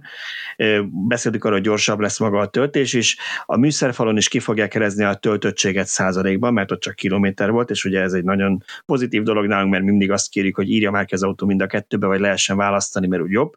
A másik az, amit még ígértek, hogy pontosabb lesz a becsült kilométer érték, amit hatótában kiír az autó, hogy általában azon javítanak, és hogy a fogyasztási értékeket is pontosítják, mert ugye ebben volt egy olyan érdekes dolog, hogy ők hozzászámoltak egy ilyen feltételezem képzelt vagy kalkulált töltési veszteséget a fogyasztáshoz, és amit neked két fogyasztási értéket, Björn ilyen 30-akat is mért 100 kilométeren, abban benne volt egy töltési veszteség, amit ő hozzáadott a komputer, ami nem a valós fogyasztási adat volt. Úgyhogy ezt megszüntetik, ezt a kis pluszt. Ami egyébként azért nem jó, mert DC töltőn ezt a fogyasztási adatot az oszlopon méred, míg AC töltőn az autóban méred tulajdonképpen, tehát ott ugye a konverzió az autón belül történik, tehát egy ilyen fiktív értékkel csak összeszavarják a felhasználót. Ugyanakkor valamilyen szinten meg tudom érteni, vagy el tudom fogadni, mert nagyon sokan büszkélkednek, hogy 12 kWh fogyaszt az akármilyen autójuk, aztán, hogyha lemérik a mm, töltőn felvett energiát, akkor kiderül, hogy lesz az 15 is. Igen, ez attól függ, mire használod az értéket, mert ha arra használod, hogy ki akarod számolni, hogy mennyibe került, egyrészt azt tudod, hogy mennyibe került, meg kifizeted. De ha arra akarod számolni, akkor persze, akkor jobb, hogyha az veszteség benne van, bár ugye azért ez töltőnként, meg töltési módszerként, hogy átérhet, eltérhet, tehát ez nem egy ilyen fix érték, amit be lehet szorozni, de mindegy. Viszont Viszont ha arra számolod, hogy arra használod, hogy mondjuk te százalékban nézed, hogy mennyi van az autóban, és megnézed, hogy mennyit fogyaszt, és megsatszolod, kb. mennyit tudsz még vele elmenni, akkor nagyon félrevisz, mert jóval magasabb fogyasztással számolsz, mint a valós. Igen. Hát szóval ennyi. A, a töltési Igen. veszteséget a, a fedélzeti töltő esetén ezt nyugodtan ki lehetne írni külön adatként a, az autó fedélzeti rendszerén. Nem az, az adott töltés paramétereihez, tehát hogy ennyi időt töltöttél, ennyi ment bele az akkumulátorról, és ennyit vettem fel a töltőtől, ennyi volt a veszteség, kettő közötti különbség volt a veszteség, nem? Tehát ezt nyugodtan az applikáció Szeretnék vagy megosztani a userrel, akkor írják ki külön, igen. igen, igen. Így Na, de minden esetre van. valószínűleg jobban használható lesz az autó ezektől a frissítésektől, úgyhogy ez mindenképpen jó hír. Oké. Okay. Na, a következő témánk az utólag megvásárolható extrák. Mire gondolunk itt? Egyre nagyobb divat lesz az autógyártóknál, bár egyre még csak a prémiumoknál látjuk, hogy azért, hogy egyszerűsítsék a gyártást, beleépítenek olyan hardware elemeket is az autóba, amit te nem rendeltél meg, ami egyébként extra felszereltség lenne, és majd ezeket utólag akár te, akár egy következő tulajdonos megveheted mondjuk a kijelzőről, a telefonodról, vagy a fiókodból, vagy akár a kereskedés aktiválja neked. A lényeg az, hogy benne van valami az autóban, ami neked nem aktív, ha fizetsz érte pluszba, akkor meg aktiválhatod, és nyilván ezt azért csinálják, mert úgy számolják, úgy kalkulálják, hogy én ezt csak 3000 autóba teszem be, akkor nekem ennyibe kerül, de ha beleteszem mind a 30 ezerbe, akkor meg még úgy is megéri nekem, ha nem fogja mindenki aktiválni. Előbb-utóbb majd legfeljebb adok ilyen akciókat Black Friday-en, minden, és megveszik, és még keresek is vele. És legutóbb a Mercedesről volt egy ilyen hírünk, a mercedes olyan messzire mennek ebben, hogy azt mondták, hogy például az autó utasterének a fűtése, klimatizálása, hogy előmelegíted, előhűtő telefonról, az is egy ilyen fizetős extra lesz majd, nyilván ehhez persze benne vannak a hardverek, de azt is mondták, hogy például, ami a, a Tibor, te tesztelted, ez az EQE-nél is van, vagy csak az EQS-nél, hogy a hátsó kerék is kormányozható. Mind a kettőnél van? Vagy? Mind a kettőnél ami egy elég hasznos extra, mert ilyen nagyobb hosszabb autókat tök jól lehet innentől kezdve navigálni mondjuk szűkebb parkolókban is, és hogy ezt bele fogják építeni minden autóba majd, akkor is, ha nem fizeted ki, és utólag most ennek kapcsán, amikor ezt megjelent a cikk, akkor néztem, hogy milyen reakciók voltak Facebookon rá, és már nem először látok hasonló korábban a BMW-s hír kapcsán ilyet, hogy az emberek ezen fel vannak háborodva és azt mondják, hogy hát ő kifizette az autó árában, mi az, hogy neki az nincs aktiválva, és utólag kérnek érte pénzt. Mi erről a vélemény? Nem, ő nem hát, fizette ki az autó igen. árában, mert a gyártó valószínűleg számolt egy statisztikát, hogy kifizeti a vásárlók 70%-a, és olcsóbb beletenni 100%-ba a hardvert. Én alapvetően örülök ennek, és szimpatizálok vele, bár a környezetvédő énem egy kicsit fájlalja, hogy olyan hardvereket építenek be az autóba, amik az autók 10-20-30-50 százalékában soha nem lesznek használva, de értem, hogy a piac vagy a gazdasági érdekek ezt felülírják, attól még egy kicsit szomorú, mert ott vannak olyan alkatrészek, amit soha senki nem használ, de hát a BMW-vel is van indexkar, tudjuk. De lehet egyébként, hogy gyártás szempontjából így összességében még, még mindig akár kedvezőbb is lehet, hogyha nem kell mondjuk két különböző alkatrészt raktáron tartani, meg legyártani, meg szállítmányozni, meg mit tudom én. Tehát, hogy ugye nem látjuk a számokat, de, de nem feltétlen vagyok biztos benne, hogy, hogy ez mindenképpen környezetszennyező. Én is egyetértek, itt, itt arra kell majd nagyon ügyelni, hogy, hogy ezek a, ezek a szolgáltatások, ezek, ezeknek az ára ne szálljon el nagyon. Tehát, hogy látjuk azt már most is, nem tudom, hogy ti hogy vagytok vele, de ez a rengeteg streaming szolgáltatás, hogyha az ember két-három ilyenre előfizet, akkor olyan összegeket el lehet már költeni, amik tök irreálisak, és hogyha az ember körülnéz, akkor, akkor ilyen előfizetéses rendszerben annyi mindenre szórjuk a pénzt, hogy, hogy félelmetes. Nem tudom, hogy mi a megoldás igazából, vagy hogy van egyáltalán erre megoldás, vagy, vagy majd a piac megoldja. Én nekem ez az egyetlen félelem, de egyébként egyetértek azzal, hogy ezek tök jó dolgok. Most gondoljatok bele, hogyha ha vesztek egy használt autót, és mit tudom én, ö, ott van az autó, és hú, de tök jó lenne, hogyha rendelt volna az eredeti vevőbe mondjuk hátsó ülésfűtést, és akkor azt mondod, hogy hopp, ez nem tudom, 100 dollárról vagy euróból be tudod kapcsolni, és ott van az hátsó ülésfűtésed, mert neked az kell, vagy azt, azt szeretnéd használni, akkor itt megvan a lehetőségre. Szóval én is látok benne egyébként fantáziát, és, és még akár azt mondom, hogy lehetnek például olyan, olyan felhasználási területek, vagy mondjuk olyan éghajlatok, ahol nem éri meg neked mondjuk megvenni valamit azért, mert évente háromszor van olyan nap, amikor mondjuk kellene a hátsó fűtést használni, de mondjuk lehetséges, hogy ha azt látod időjárás előrezésben, hogy most mínusz 20 fok lesz, ami ott rendkívül időnek számít a Telax, akkor aktiválod arra a hónapra, és akkor végül is így neked ez megérte. Vagy például vezetés támogató, vagy bármi más később, akár az önvezetés, ha így működik, ugye egy én csak akkor akarom használni, ha mondjuk ittam valahol mert a barátokkal találkoztam, vagy ha elmegyünk Horvátországba, hogy ne legyen annyira fárasztó az út, de egyébként nem akarom használni, nem akarom kifizetni érte a sok ezer eurót. Tehát lehet ebbe logika. Én is azt mondom, hogy értem, hogy honnan jön az, aki azt mondja, hogy hát ő kifizette az autó árában, de azt meg kell érteni, hogy az autó árában te nem fizeted ki ezt, mert, mert alapvetően a, a gyártó megszabja az árat, hogy ennyibe kell az autó, amit ő beleépít, és te nem használod, az, az, az ő költsége volt, azt veled igazából nem fizetteti ki, hanem azzal fizetteti ki, aki majd ezt megveszi. Hát. Ha nem veszi meg senki, jó, hát valamilyen szemben biztos el, elosztott, de eddig is elosztott, mert igen. Eddig hát is mivel, a, mivel aki megveszi, az valószínűleg többet vesz, fizet, mint a bekerülési költség, mondhatjuk azt, hogy azzal a 70 vevővel fizetteti ki az összes 100 autóba való hátsó ülésfűtést, aki fizet érte.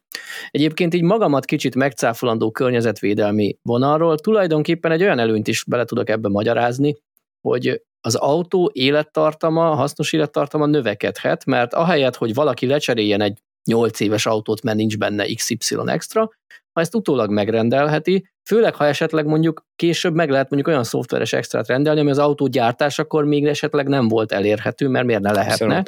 Igen. Onnantól meghosszabbodhat, és azt mondjuk nem dobjuk el 8 évesen, hanem használjuk 12 évig az autót, és már is nyert a környezetig.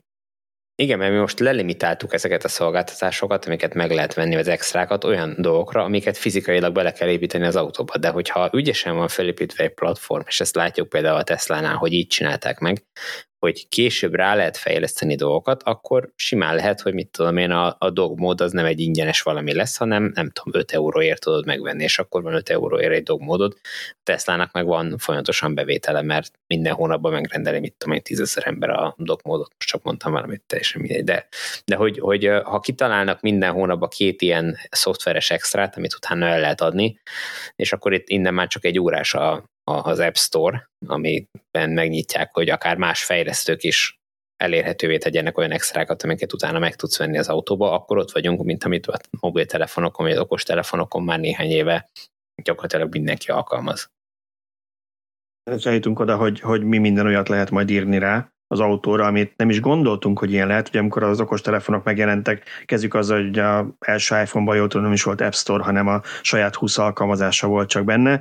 Amikor megnyitották, valószínűleg soha nem gondolták, hogy több ezer vagy több százezer applikáció lesz, olyanok, amikre nem is gondolt a fejlesztő csapat, és valakinek eszébe jutott. Tehát ez mindenképpen kreatív, meg jó dolog. Arra kell szerintem figyelni, mert én itt a Mercinél egy picit úgy éreztem, hogy rezeg a létsz, amikor a autó előhűtéséről, fűtéséről beszéltek, hogy ne legyen az fizetős, ami eddig ingyen is volt. Szóval az, hogy én a telefonról bekapcsolhatom a klímát, az, az most már kb. alap mindenhol, ők meg azt mondták, hogy azért majd pénzt fognak havidíjasat kérni, ez nekem persze biztos kifizeti a Mercedes vásárló, nem ezt mondom, csak nekem ez egy picit olyan fura.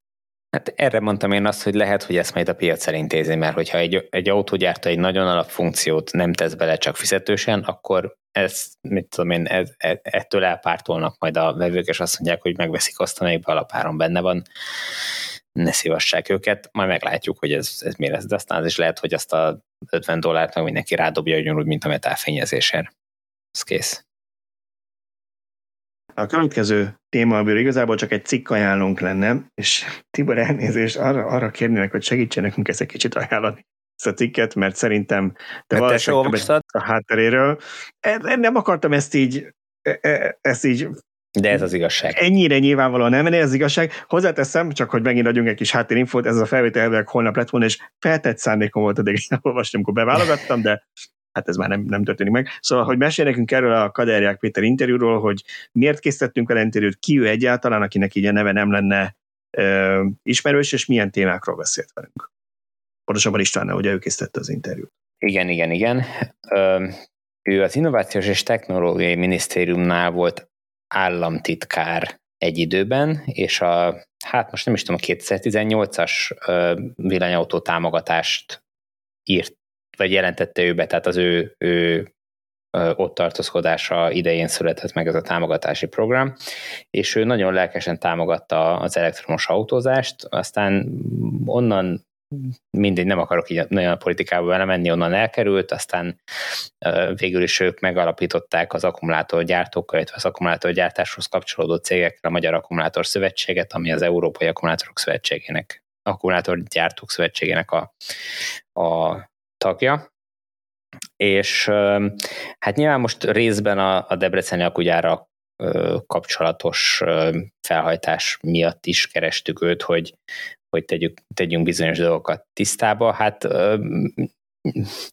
egyrészt megértem, hogy ő óvatosan fogalmaz, mint akkumulátor szövetség ő talán egyébként nem is elnök, hanem nem tudom, ügyvezető, vagy valamilyen pozíció, nem tudom, mi ott a legmagasabb pozíció most per pillanat. De lényeg az, hogy, hogy ennek a vezetőjeként, de azért, azért, hogy mondjam, tehát bár óvatosan fogalmaz, de ki is mond dolgokat.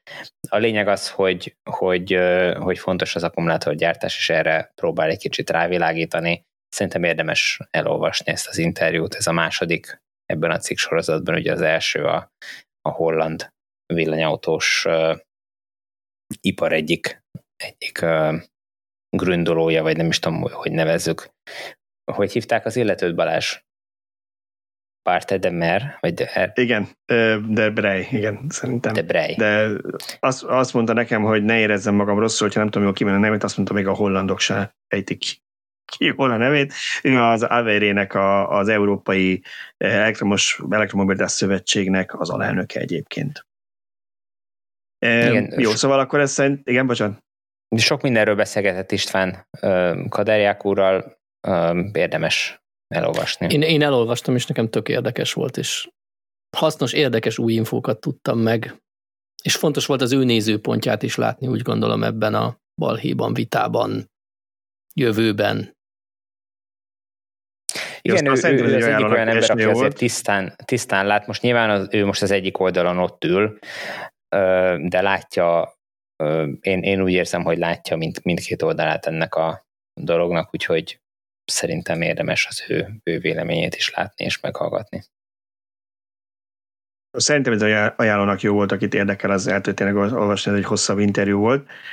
Beszéljünk kicsit erről a 2035-ről, ugyan még cikkünk nem ment róla ki, de szerintem elég fontos fejlemények vannak ebben. Ugye arról van szó, hogy ez egy ilyen hosszú szülés az EU-ban, mint minden, és hogy már azt hittük, hogy már tényleg 2035-ben megállapodtak, mert hogy megállapodtak az autógyártók, az autógyártók, a különböző országnak a miniszterei, meg megállapodtak már a Európai Uniónak a különböző bizottságai, meg az Európai Parlament, és mindenki jóvágyta, hogy 2035 lesz akkor a átállás végső dátuma, e, mármint az új autó eladásokban, és már csak egy formalitás lett volna hátra, hogy ugyanazok a kormányok, akik ebben megállapodtak, most akkor helyi törvény szintre is emelik és jóvá hagyják, és utolsó pillanatban úgy néz ki, hogy a németek elkezdtek kitáncolni mögül, erről már beszéltünk, de most érdekes szövetségesei lettek Németországnak, Csehország, Lengyelország, meg egy kis közép ország, Magyarország is csatlakozott ehhez, úgy néz ki, és, úgy, és valószínűleg uh, szeretnék blokkolni ezt a folyamatot, amíg nem kell rögzítésre, hogy de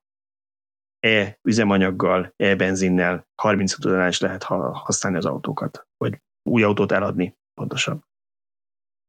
Hát én azt mondom, hogy ha nekik ez a vágyuk, akkor, akkor emeljük be ezt, és fogadjuk úgy el. Az egésznek nincs jelentősége. Mert semmi hatása nincs a, a változásra annak, hogy ők most milyen feltételekkel meg egyáltalán ratifikálják ezt, vagy nem ratifikálják, vagy bármit csinálhatnak.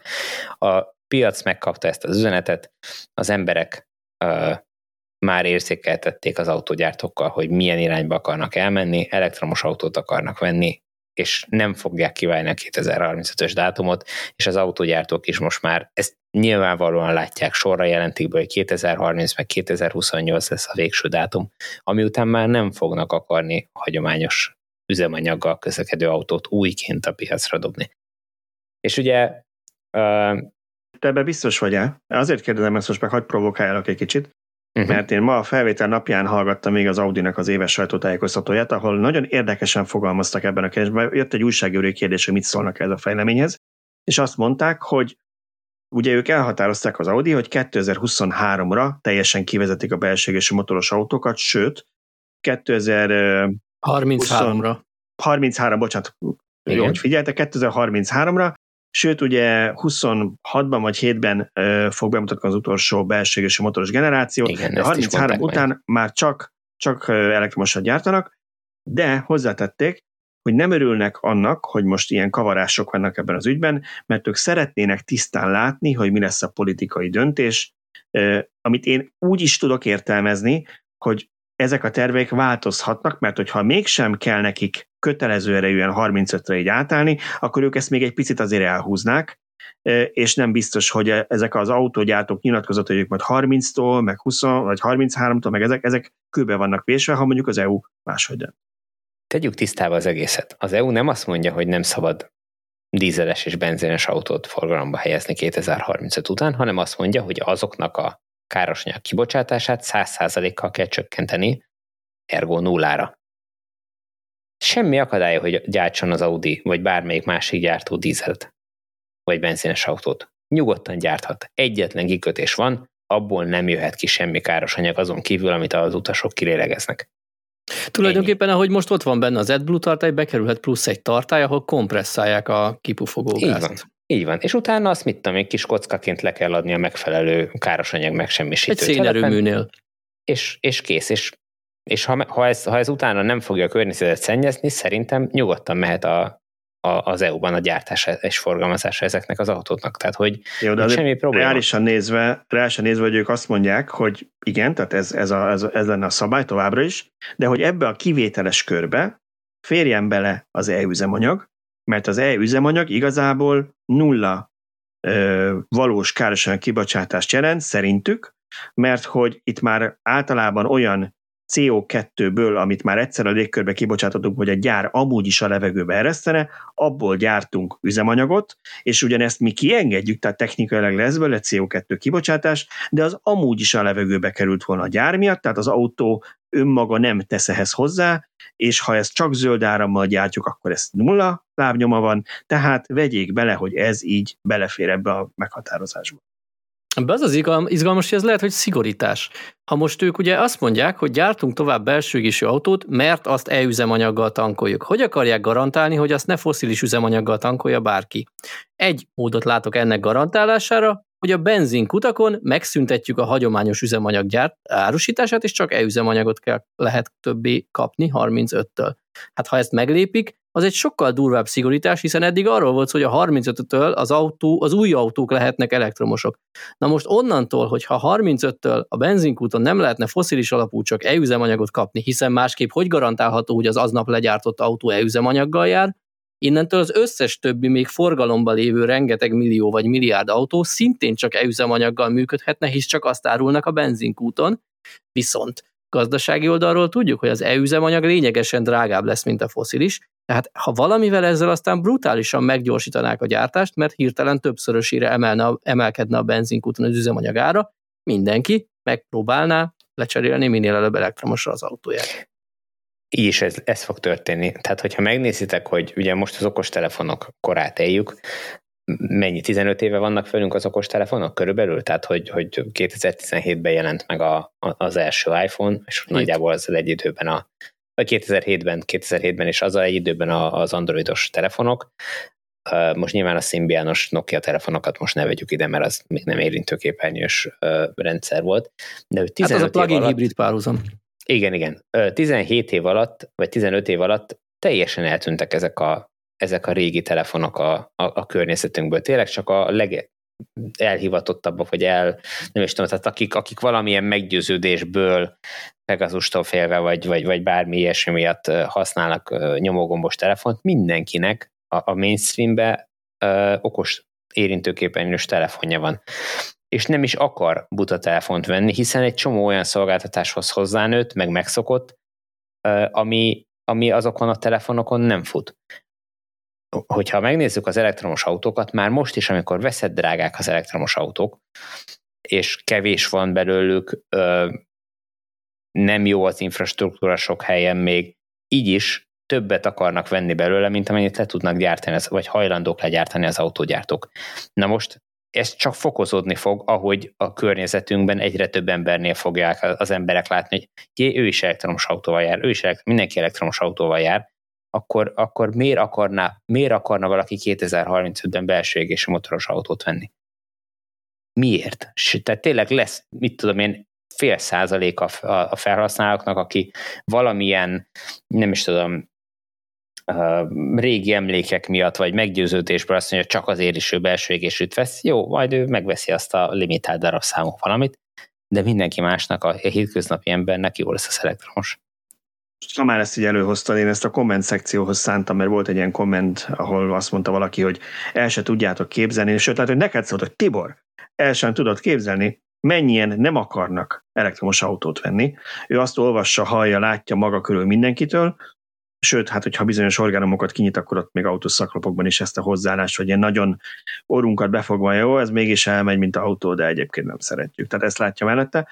És gondoltam, hogy erről kicsit annak kapcsán beszéljünk, de akkor most erről beszélhetünk, hogy, hogy ugye ma, ha körülnézel, valóban ezt látod, de a legtöbb technológiai váltásnál szerintem ez van. Tehát én mindig azt Igen. a példát hozom elő, hogy én amikor, és nem azért, mert én nagy mágus vagyok, de amikor ilyen 20 éves koromban az, azt üldöztem a boltba, hogy hol tudok venni a nyomógombos telefonomhoz. Kiegészítő kamera modult, amit alá tudok csatolni az aljára, meg olyat, ami MP3 lejátszó modul volt, hogy abban egy memóriakártyát be tudsz tenni, és mindenki hülyének nézett az ismertség körbe, hogy miért, de hülye vagy, ha miért nem, akkor miért nem veszel egy külön MP3 lejátszót, miért nem veszel egy külön fényképezőt, miért akarod a telefonon, és mondtam, hogy de hát ez a legkényelmesebb, hát mindig ott van nálad, nem kell egy külön cuccot magaddal hordani, és kvázi senki nem értette, hozzáteszem, nyilván nem volt annyira kényelmes, mint amikor bele van integrálva az, hogy neked rá kell pattintani valamit a telefon aljára, e, de hogy a legtöbb technológiáváltásnál ez van, ugye Henry Fordnak volt ez a híres mondás, amit vagy ő mondott, vagy nem, mint az ilyen mondások lenni szokott, hogyha megkérdeztem volna az embereket, hogy mit szeretnek, azt mondták volna, hogy gyorsabb lovat, nem azt, hogy autót. Igen, tehát hogyha most emlékezetek vissza, hogy a, a okostelefonok ellen is hányan ágáltak, hogy ó, milyen hülyeség, nincsenek gombok rajta, nem tudom kitapogatni, oda a telefon nézni. ellen már sokan ágáltak. Ugye bunk- bunkofonnak hívták, mert a vállalkozók Igen. használták, és azok, akik nyilván tehetősebbek voltak, és volt egy ilyen imidzse, hogy na a burzsúlyok, hordozza magával azt a féltéglát, azt a telefont, minek az neki, miért nem jó neki ugye a vezetékes. Igen. Aztán pikpak mindenkinek az lett. Igen, és az okos telefonok ellen is ez volt, és a digitális fényképezőgépek is, ó, soha nem lesz olyan felbontása, mint a filmnek. Nem, tízszer jobb lett, na. És akkor, tehát, hogy ö, minden technológiai váltásnál ugyanez van, ezt megéljük, és bárki bármit mond, ez az elektromos autóknál is pont ugyanígy fog bekövetkezni. El fog, el fog jönni az akkor, amikor már ki, azok, akik most ellenzik, ki fogják próbálni, és rá fogják jönni, hogy ez nem akkora hülyeség, mint amekkorának ők gondolták, mert hogy ők néhány szaklapba, vagy akárhol az interneten látták leírva más fórumokba, hogy ez milyen marhaság. Meg lesz a, amikor már mindenki saját maga tud véleményt alkotni erről, akkor teljesen máshogy fog hozzáállni. Ja, most is tud mindenki saját maga véleményt alkotni. Én egy érdekes párhuzamot láttam meg, még visszautalnék a Lexus tesztre. Youtube-on, kommentben, TikTok kommentben rengeteg ember beírta, hogy ez életveszélyes, balesetveszélyes, nem lehet vezetni, az ember agya nem tud rá alkalmazkodni, és megkezdtem, hogy te is voltál a teszten, kipróbáltad? Ja, nem. De határozott véleménye volt. És ugyanez van az elektromos autókkal kapcsolatban is. Igen, de, de most én arról beszélek, amikor már az ő szomszédjának meg haverjának is lesz, és utazik benne, és esetleg elviszi egy körre kipróbálni, akkor akkor fog vele szembesülni, hogy ez nem akkora marhaság, mint amekkora marhaságnak őt sokáig gondolt, akár éveken keresztül, és, és hirdette, hogy ez idióták az emberek, akik elektromos autót vesznek, és akkor onnantól kezdve már ő is elektromosra akarja csinálni. De ez, ez, ez ma is látom az én saját környezetemben, és egyre több ember érdeklődik, hogy hát ú, hát igazából ő most újat nem tud venni, de hát ezért a pénzért, amit ő használatra szánna, mit, mit lehet kapni, milyen lehetőségei vannak. Tehát, hogy tisztában van ő is vele, hogy, hogy most még nem tudja megvenni azt, amit ő igazán akarna, de már érdeklődik, már szeretne átülni elektromos autóba, mert, mert már nem akar még egy dízelt venni, mert nyilván kockázat, hogy hogy fogja tudni eladni majd x év múlva, meg, meg hát haladna is a korral, mégis az a cool, meg, meg lehet, hogy még esetleg spórolni is tud vele. Nyilván mindenkinek más egy kicsit a motivációja, de ez ott ül már az embereknek a fejébe. A 2035-ben nem fognak tudni hagyományos autót eladni. Se, nem lesz, aki megvegye itt Európába, és máshol se a világon, mert máshol meg a kínai autógyártók fogják lenyomni, a, tehát azokon a piacokon, ahova most esetleg még azt gondoljuk, hogy mit tudom én, Afrikába elmaradottak, és emiatt nem lehet eladni az elektromos autót, de hogy nem, hát ott lehet csak igazán napelemmel megtermelni az áramot, amit, és úgy lesz, ott, ott lesz igazán olcsó az elektromos autózás. Szóval talán minket senki nem vádolhat azzal, hogy minden lehet vádolni, de hogy, hogy mi mindig túlzott a rozsás képet festünk az elektromos autózásról, inkább azt szoktuk mondani, hogy amikor őszintén lerjük egy tesztbe, hogy lásd Adria teszt, akkor mennyire teszünk mi jót ennek a történetnek azzal, hogy felhívjuk a hibákra a figyelmet, és talán túlzottan felnagyítjuk, vagy nagyobb dolgot csinálunk bele, mint a valóságban, amikor a probléma az. Tehát szerintem mi igyekszünk bemutatni azt is, hogy ez nem mindenhol tökéletes, infrastruktúra főleg, csomó olyan dolog van, amit ha nem olyan kocka vagy, mint mi, hanem meze user, akkor neked hagyd ne kelljen már azt tudni, hogy hogy kell előfűteni az akkumulátort, meg nem, ez be kell tudnod ülni, menni, bedugod, tölt, kiszámíthatóan. Tehát, hogy itt még nagyon sok mindennek nyilván fejlődnie kell, ezek nem a utolsó generációs villanyautók, hanem a második, harmadik generációsok ki melyik gyártó. Hát ez még a legeleje. Igen, de, de alapvetően azért nagyon kevés olyan példára tudunk szerintem, amikor valaki villanyautós, és utána visszavált a benzínre vagy a dízelre, mert még lehet, hogy azt mondja, hogy úgy találta, hogy az, az autó, amit vett, az neki ebben abban nem elég jó, mert mondjuk tényleg ez a hatótáv neki végül nem elég, vagy, vagy nagyon lassan töltéshez neki nem válható, de akkor elkezd keresni egy olyat, ami tudja, és nagyon kevés az, aki ténylegesen visszamegy a dízelre vagy a benzinre utána, mert annyi más előnyét tapasztalja meg, amiről már nem akar lemondani. Tehát ez a Igen. Szöcskének volt jó a példája, hogy ki az, aki utálja Villentot, és soha nem akar benne ülni. Szerintem elég egyenes a, a, a arány azokkal, akik, akik soha nem vezettek még villanyautót, és nem használták mondjuk egy hétig. Ha ez ennyi, akkor a mai utolsó hírünk a kommentek előtt, ha már az infrastruktúráról beszéltünk, V4-es Supercharger, hivatalosan is nem hivatalosan, mert hivatalosan a Tesla honlapja szerint még nem, de mi már tudjuk, hogy Hollandiában megnyílt az első V4-es Supercharger helyszín. Nem számoltam le, de szerintem 15 több oszloppal végül, mert először csak négyet láttunk az első fotókon, de van egy hátsó hosszú sor, ami, ami több. És hát, hogy, hogy nem, egyelőre senki nem tud gyorsabban, mint korábban, és mindenki lepődje meg, aki nem olvassa a cikkeinket. Mi a véleményetek a V4-es Superchargerről? Minek ez így? Kell ez így? Hova ez így? Hát érdekes dolog ez, ugye egy teljesen hosszú évek után egy teljesen új töltőoszlop dizájnt mutatott be a, a Tesla, és egyelőre még nem látjuk, hogy ennek, ennek pontosan mi az értelme. Tehát a mai autók tényleg annyit tudnak fölvenni ezekről az oszlopokról, mint a korábbi oszlopokról, tehát igazából nincs előnye. Egyetlen komoly változás van, ami a külső felhasználók számára lesz jó, hogy nagyjából kétszer olyan hosszú a kábele, mint a korábbi oszlopoknak, tehát amikor a mit tudom én, a Mercedes vagy a BMW áll oda ezeket az oszlopokhoz, akkor nem fog elfoglalni egy plusz töltőhelyet is azért, mert neki másik oldalra van téve, vagy máshol van téve a töltőcsatlakozó, hanem, hanem úgy ö, oda tudja húzni ezt a kábelt is, tehát hogy, hogy az adott töltőhelyhez vagy parkolóhelyhez lévő oszlopot fogja tudni használni. Ezen kívül én egyelőre nem látok más előnyét ezeknek az oszlopoknak. Én konkrétat nem látok, de remélek. Én úgy tudom, hogy a megnyitott V3-as superchargerek a 800 voltos autóknak nem tudtak elég nagy töltési teljesítményt adni, és lehet, hogy ezek fognak tudni. De miért nem tudtak az előzők? Tehát a, a specifikációban azok is 1000 voltosak voltak. Tehát elméletben Igen, az, tudhattak volna. Tudhattak volna, hogy azt látjuk, hogy az első szájtnál, amit mögé tettek vasat, tehát ugye a elektromos szekrényeket, az ugyanaz, mint a V3-asoknál, tehát már csak ezért is ne várja senki, hogy most hirtelen ez többet tud. Persze ezek össze is tudnak dolgozni, tehát az lehetséges, hogy többet engednének egy oszlopnak felvenni, és vannak rá indikációk a oszlopon lévő műszaki jelzések alapján, hogy ez talán majd többet fog engedni, mint a korábbi, viszont én ami miatt vagyok optimista, és azért mondom, hogy valószínűleg ez mégiscsak nagyobb teljesítményű lesz, mert hát egyébként csak azért, hogy hosszabb kábel legyen, ehhez nem kellett volna egy új oszlop, design.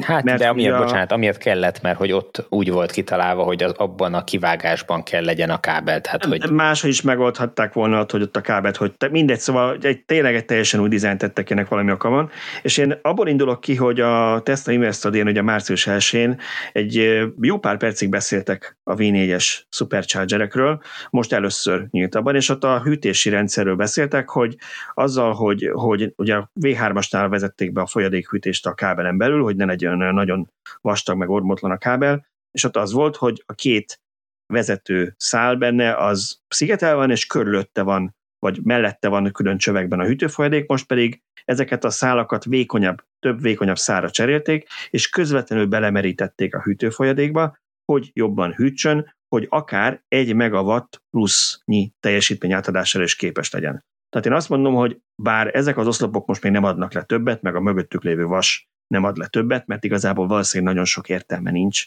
a Teslák szempontjából, a jelenleg kapható Teslák szempontjából, de gyanítom, hogy a V4 valószínűleg arra lett tervezve, hogy jövő biztosabb legyen, később, ha lesznek mondjuk 800 vagy 1000 voltos Teslák, akkor azoknak nagyobb teljesítményt tudjon leadni. De a 800 meg 1000 voltos Tesláknál nincs szükség nagyobb hűtésre, hiszen ott az amper nem lesz nagyobb. Pont ez a lényeg. Valamiatt mégis nagyobb hűtést, valamiatt mégis nagyobb hűtést terveztek ebben. Hát azt tudom elképzelni a, a nagyobb hűtésnél, hogy, hogy esetleg nem három percig fogja tartani a 250 kW-os töltési teljesítményt egy Model 3-nál, hanem azt mondja, hogy mit tudom én, 10 perc Van alatt. Ott, oszlop, ott az oszlop volt a keresztmetszet, és nem az autónak a elektronikája, ami szabályozza, hogy mennyit enged be? Hát lehet, hogy mindkettő. Lehet, hogy ma az autó is ennyit kér, de lehet, hogy a következő generáció többet kérne, és ahhoz már kevés Akár. lenne a V3-as oszlop. Akár, igen. Igen, mert egy jobb hűtéssel ez akkor nyilván jobban megoldható, nem fog melegedni a kávé. Nem tudom, ez most Illetve csak... a, hosszabb kável eleve többet melegszik, tehát hatékonyabb hűtés kell a hosszabb hát kábelhez az, az is. Tehát valószínűleg a V3-as hűtésével nem lehetett volna megduplázni a kábelhozt, ami elsőre azt mondjuk, hogy csak a külsősök kedvéért csinálták, de simán lehet, hogy nem, mert simán lehet, hogy majd egy Tesla kamionhoz szükség lesz a hosszabb kábelre. Hát mondjuk reméljük a Tesla kamionok nem fognak ide beállni ezekhez a töltőkhöz, de a... De lehet, hogy ugyanazt a töltőt fogják telepíteni egy olyan töltőhelyre, ahol a kamiont szeretnék kiszolgálni. De egyébként most, Európában. hogy azt láttuk, hogy a személynek az első töltői, azok ugyanezek az, kinézet ugyanezek az oszlopok, és azokról azt mondja a Pepsi, hogy 750 megawattosak, aki matematikát tanulmány is kiszámolta, az rá, itt valami nem stimmel, mert akkor nem lenne tartani az a töltési idő, amit a sofőrök maguk is elmondtak, hogy 30-40 percet mennyit tölt be az autó, mert ahhoz több kéne, mint 750 megawatt. Szóval nem tudjuk, de... de 750 kilowatt. Kilowatt, megawatt az egy picit sok lenne, igazad. Nagyon szépen köszönöm, hogy valaki figyel, ha már én nem. Jó. Na, akkor mielőtt bezárjuk a mai villanyórát, gyorsan reagáljunk pár kommentre, hogy ez nem maradjon ki. Az elsőre én szeretnék reagálni, csak azért, mert engem dicsértek meg. Tiéd a lehetőség. Mondták, azt mondták, hogy megint jár a like már nulla percnél, pusztán a címlapkép miatt, ami, ami, vagy az a thumbnail, ami rajta volt a YouTube videón, ez az én paint tehetségemet tükrözi, hogy én milyen fantasztikus grafikai dolgokra vagyok képes. Nagyon szépen köszönöm hogy valaki értékelést tetszik. Ez volt a 168-as adásnak a címlapkönyve. Aztán beszéltünk a reklámokról, hogy azt nem mi szortuk meg, hanem, hanem a YouTube, úgyhogy erről nem minket anyázatok, hanem a, a Google vezetőit. Oké, okay. Gábor, neked írtak, azt írta valaki, hogy nem csak neked mennek nehezen a dolgok itt az elektromos hálózat javítása meg a, a inverter kapcsán. Azt írja valaki, hogy ő 2022 áprilisában kötött szerződést az EON Solarral, és a teljes költség felét előre ki is fizette, és még mindig sehol semmi nincsen a napelemes rendszeréből, és ő azt hallotta, igazából ezért válogattam be a kommentet, hogy állítólag a szolgáltatók előre vették az államilag finanszírozott fejlesztéseket, mert ott sürgős a különböző határidők miatt, hogy meglegyenek, és ezért kell mindenki másnak várnia. Még lehet is sürgős, ott valami egyéves csúszásban vannak, vagy még többen. Na igen, csak itt ugye az a kérdés, hogy ha közben a 2024-es szaldó küszöbön meg nem változtatnak, akkor mindenki, aki nem állami támogatásba vette, az meg hát így járt, kicsúszik belőle, mert a szolgáltató nem kettő hétig, hanem másfél évig ül a engedélyen. Hát én tavaly október 30-án beadtam a harmadik fázisomra egy bővítési igényt, leginkább kíváncsiságból is, még nem tudom, hogy megvalósul ez a rendszer, de egyre inkább úgy néz ki, hogy nem, mert még egyelőre semmilyen választ nem kaptam rá, tehát ki fogok csúszni a... Hát én, én ugyanígy vagyok a három fázisra bővítésre. Először még beadtam augusztusban tavaly, aztán amikor jött ez a napelemes dolog, akkor beadtam újra, hogy már a napelembővítés is rajta legyen egybe a kérelmen, és hát egy hiánypótlásra szólítottak föl, az is itt két hónappal ezelőtt volt, azóta semmi, tehát hogy már kaptam pénzt is tőlük,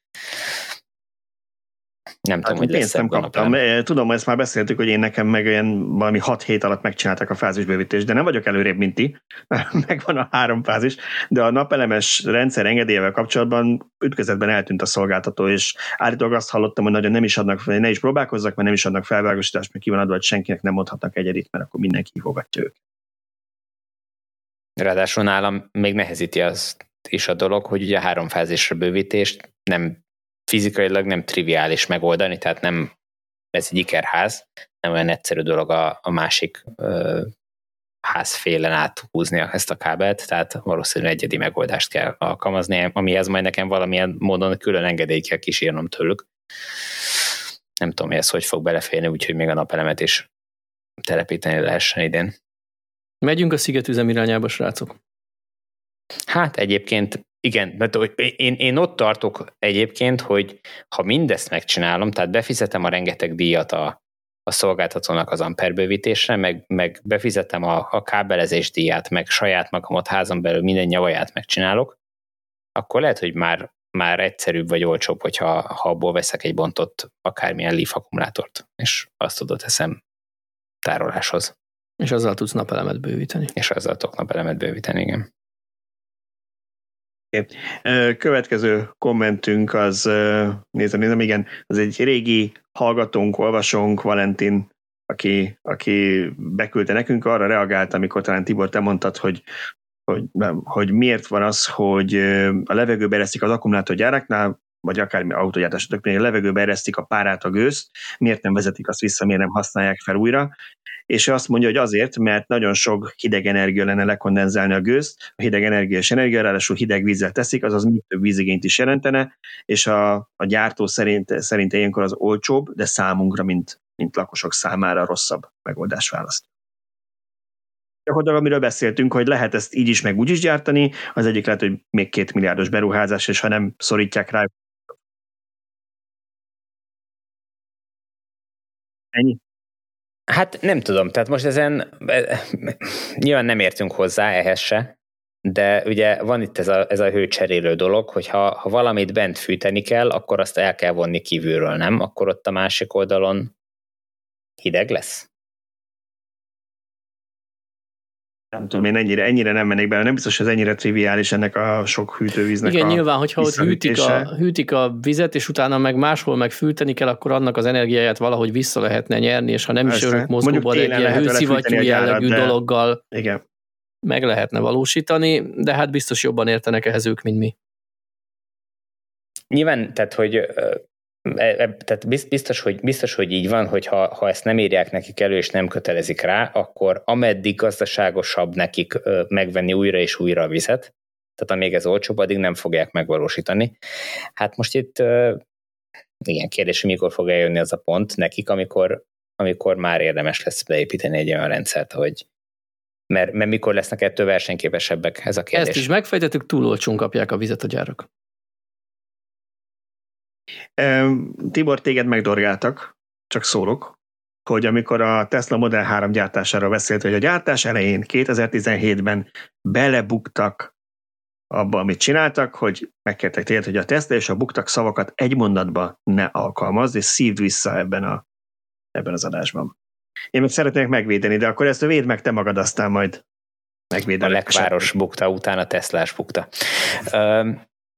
Hát mert, mert hogy, hogy lehet ezt akkor mondani? Mi, mi történt? Hogy nem tudtak, nem tudom, hónapokig Model 3-at gyártani, mert a nyomorult robot nem fél évig, nem hónapokig, fél évig, igen. Fél évig nem tudták gyártani ezt a szerencsétlen autót, igen. mert hogy... Hát legyártottak a, fél, bocsánat, legyártottak fél év alatt 1700 vagy 2000 darabot, vagy has, 1700 szállítottak. Képzeld el, a robot ott, ott állt, és akkor csatlakoztatta a kábelt, és Egész akkor nap. tudom, napont, szóval naponta kettőt össze tudod dugni teljesen véletlenül, és akkor így összejött, mit tudom én, tehát hogy de lehet, hogy, hogy parkolóba gyártottak, és akkor ott mindig kiment valaki utólag összedugni, amit a robot. Vagy ez a másik. Hát, ugye, a parkolóban. Szóval Tibornak még a legvérmesebb Tesla rajongók is megbocsáthatják ezt, hogy ő bukta, és Tesla szavakat egy mondatban használta, mert ezt maga Elon Musk mondta el nem egyszer már, hogy túl automatizálták azt mondták, hogy ez túl egyszerű lesz ezt automatizálni, vagy nagyon egyszerű lesz, és ők mindent automatikusan terveztek, hogy mindent robotok csinálnak, aztán kérdezett, hogy a robot erre nem jó. Most próbálnak is ember hát így, így, így, nem jó. Tehát ahogy, ahogy ők ezt össze akarták hozni az embereket a robottal, ez így nem megy. Én nekem meggyőződésem egyébként, és uh, tehát nem csak a gyártásban, hanem majd a villanyautó használatában is az automatizálás, a robotizálás egy következő lépcsőfokra kell eljusson, mert például a töltést, ahogy most csináljuk, ez, ez hosszú távon nem megoldás, ez nem egy, nem egy jó irány, és meggyőződésem, hogy a következő tíz éven belül biztos, hogy lesz egy olyan, olyan fejlődés, egy olyan, olyan innováció, ami, ami kiváltja azt, hogy a, az utcai töltőkön, meg az otthoni töltőkön ott lógjon egy hosszú kábel, amit kézzel kell bedugdosni az autóba. Ez annyira old school, ez annyira nem jó megoldás, hogy erre kell, hogy legyen valami jobb elgondolás. Amikor fölé állsz, és csak induktív ö, vezeték nélküli töltésed van, vagy, vagy robot kar a kocsi alján megtalálja a csatlakozót. Nem tudom, tök mindegy, hogy hogy, hogy nem tudom mi a megoldás, de, de valami kell, hogy legyen. És engem is megfettek, hogy én nem tudom ezek szerint, vagy hát körülbelül ez ott a lényeg a kommentnek, hogy az E-üzemanyag alapanyaga a növény növekedése során megköti a CO2-t, amit elégetésekkor kibocsát, tehát magyarul ez egy nullás történet. Nekem két reakcióm lenne, az, amire a hallgató gondol, az nem az E-üzemanyag, nem a bioüzemanyag, a kettő nem ugyanaz. Az E-üzemanyag az ugye az, amit CO2 megkötéséből, vagy CO2 kivonásából gyártanak hidrogén meg meg széndiokszid segítségével, nagyon sok elektromos áram segítségével. A bioüzemanyag az valóban ott ugye ez az elmélet, hogy az a kukorica mondjuk, amit megtermelnek, vagy bármilyen takarmánynövény, az, az így működik, és ez valamilyen szinten elméletben igaz, csak én mindig arra kérném a hallgatóinkat, hogy amikor valaki nekik az ingyen ebédet kínálja fel, vagy a perpétum mobilét, amiről már beszéltünk egy-két adásra, akkor, akkor nyíljon ki egy kis szerep az agyukban, hogy ez, ez, ez, ez tud létezni, ez így működik, mert ez nagyon szép elmélet, csak ugye mindig az van, hogy először is tudunk kéne, hogy pontosan annyi CO2-t köte meg az a növény az élete alatt, mint amennyit az elégetésével ugye a levegőbe ereszt. Tegyük fel, hogy igen, de ugye akkor megint az van, hogy ezt a növényt egyébként termesztették volna, mert ha nem, akkor csak azért ültették, és csak azért taroltak le mondjuk egy újabb erdőt, hogy, hogy, hogy ott legyenek ilyen ültetvények, hogy ebből csinálnak bioetanolt. Tehát ez sosem, sosem egy olyan egyszerű dolog, hogy hát akkor az így egy nullás történet. Nekem ez a gondom egyébként a, az e-üzemanyaggal is, ha már erről volt szó, hogy, hogy nem biztos, hogy az nullás, amit nullásnak mondanak. De fordítsuk meg a dolgot. Tele, tehát túl sok a, a széndiokszid a környezetünkbe, ami most üvegházhatást generál. Ültetünk egy csomó növényt, amivel jót teszünk, megkötjük. Aztán mit csinálunk? Azt letaroljuk azt a növényt, elégetjük, és visszaeresztjük az összes széndiokszidot, és azt mondjuk, hogy ah, szuperek voltunk, ezt megoldottuk ezt a problémát. És akkor még itt jön, amit majd Szöcske fog mindjárt kifejteni, hogy és akkor a városba szennyezünk ugyanúgy. Így van, nyilván nem mindegy, hogy hol helyezzük át. Ugye azt szokták mondani, hogy az erőmű a villanyautó kipufogója, mert az ugyanúgy füstöl. Hát most akkor erre azt mondom, hogy engem a városban nem boldogít, hogy valahol a szántóföldön a kukorica levele már megkötötte ezt. És hát, na jó, nem akarom elrontani, inkább ezt el sem mondom, mert akkor negatív irányba vinném el az adás végét. Na, akkor legyen pozitív az adás vége, akartál nekünk egy programajánlót mondani, akkor szerintem még arra szakítsuk. Így van, jó, hogy mondod, el is felejtettem majdnem. Igazából kettő programot is ajánlanék. Az egyik az április 22-én Gyenes Diáson a Szabó András által rendezett szokásos családi nap. A másik pedig, amihez egy hajszálnyival talán több közön van, bár nem vagyok rendezője, csak lelkes Elmob alapítótag, ugyanis az, azt hiszem ez az Elmob első ilyen nagyobb szabású nyilvános rendezvénye lesz. Elektromajális lesz Győrben április 30-án. Valójában ez egy társrendezvény, a Kisosz nevű egyesület, egy háromnapos majális tart Győrben, az állatkert és a jégpálya környékén. A győriek biztos tudják, hol van, aki meg messzebbről jön, majd megnézi a Google Maps-en. És és itt kapott egy, egy napot, gyakorlatilag a vasárnapi napon egy ilyen betétprogram, nem tudom, a rendezvény, minek nevezzük, lesz, a, lesz az elektromos jármű találkozó, mert hogy az Elmob, ugye mi korábban mindig villanyautós találkozókról beszéltünk, azokat szerveztük, de az Elmob minden egyéb elektromos közlekedési eszközt is tagjai közé csoportosít, így ez egy szélesebb körű elektromos jármű tulajdonosi találkozó lesz, ahova várnak minden, vagy várunk minden elektromos jármű használót, és vanabi elektromos jármű használót, aki még csak érdeklődik. Nyilván a majál is minden összetevője meg lesz a Vidám Parktól kezdve a street foodig, de mi szeretnénk ehhez hozzátenni néhány szakmai előadást, és a ö, helyiek, elmob szervez ö, mindenféle játékos feladatokat. Még a részleteket nem tudom, de hogyha erről további infókat tudunk meg, akkor mindenképp azt is elmondjuk majd itt a villanyórában is, illetve az Elmob honlapján lehet majd további információkat megtalálni róla. Tehát április 30 vasárnap. Így van. Akkor szerintem ezt, erről majd még emlékeztetjük azért a hallgatókat egyszer-kétszer a esemény előtt, de nem árt már most előre beérni a naptárakba. Köszönjük szépen a figyelmet, ez volt a Villanyóra 169. adása, találkozunk jövő héten ugyanitt veletek a 170-ben. Sziasztok! Köszönjük, hogy lájkoltátok azt az adást, és sziasztok! Sziasztok!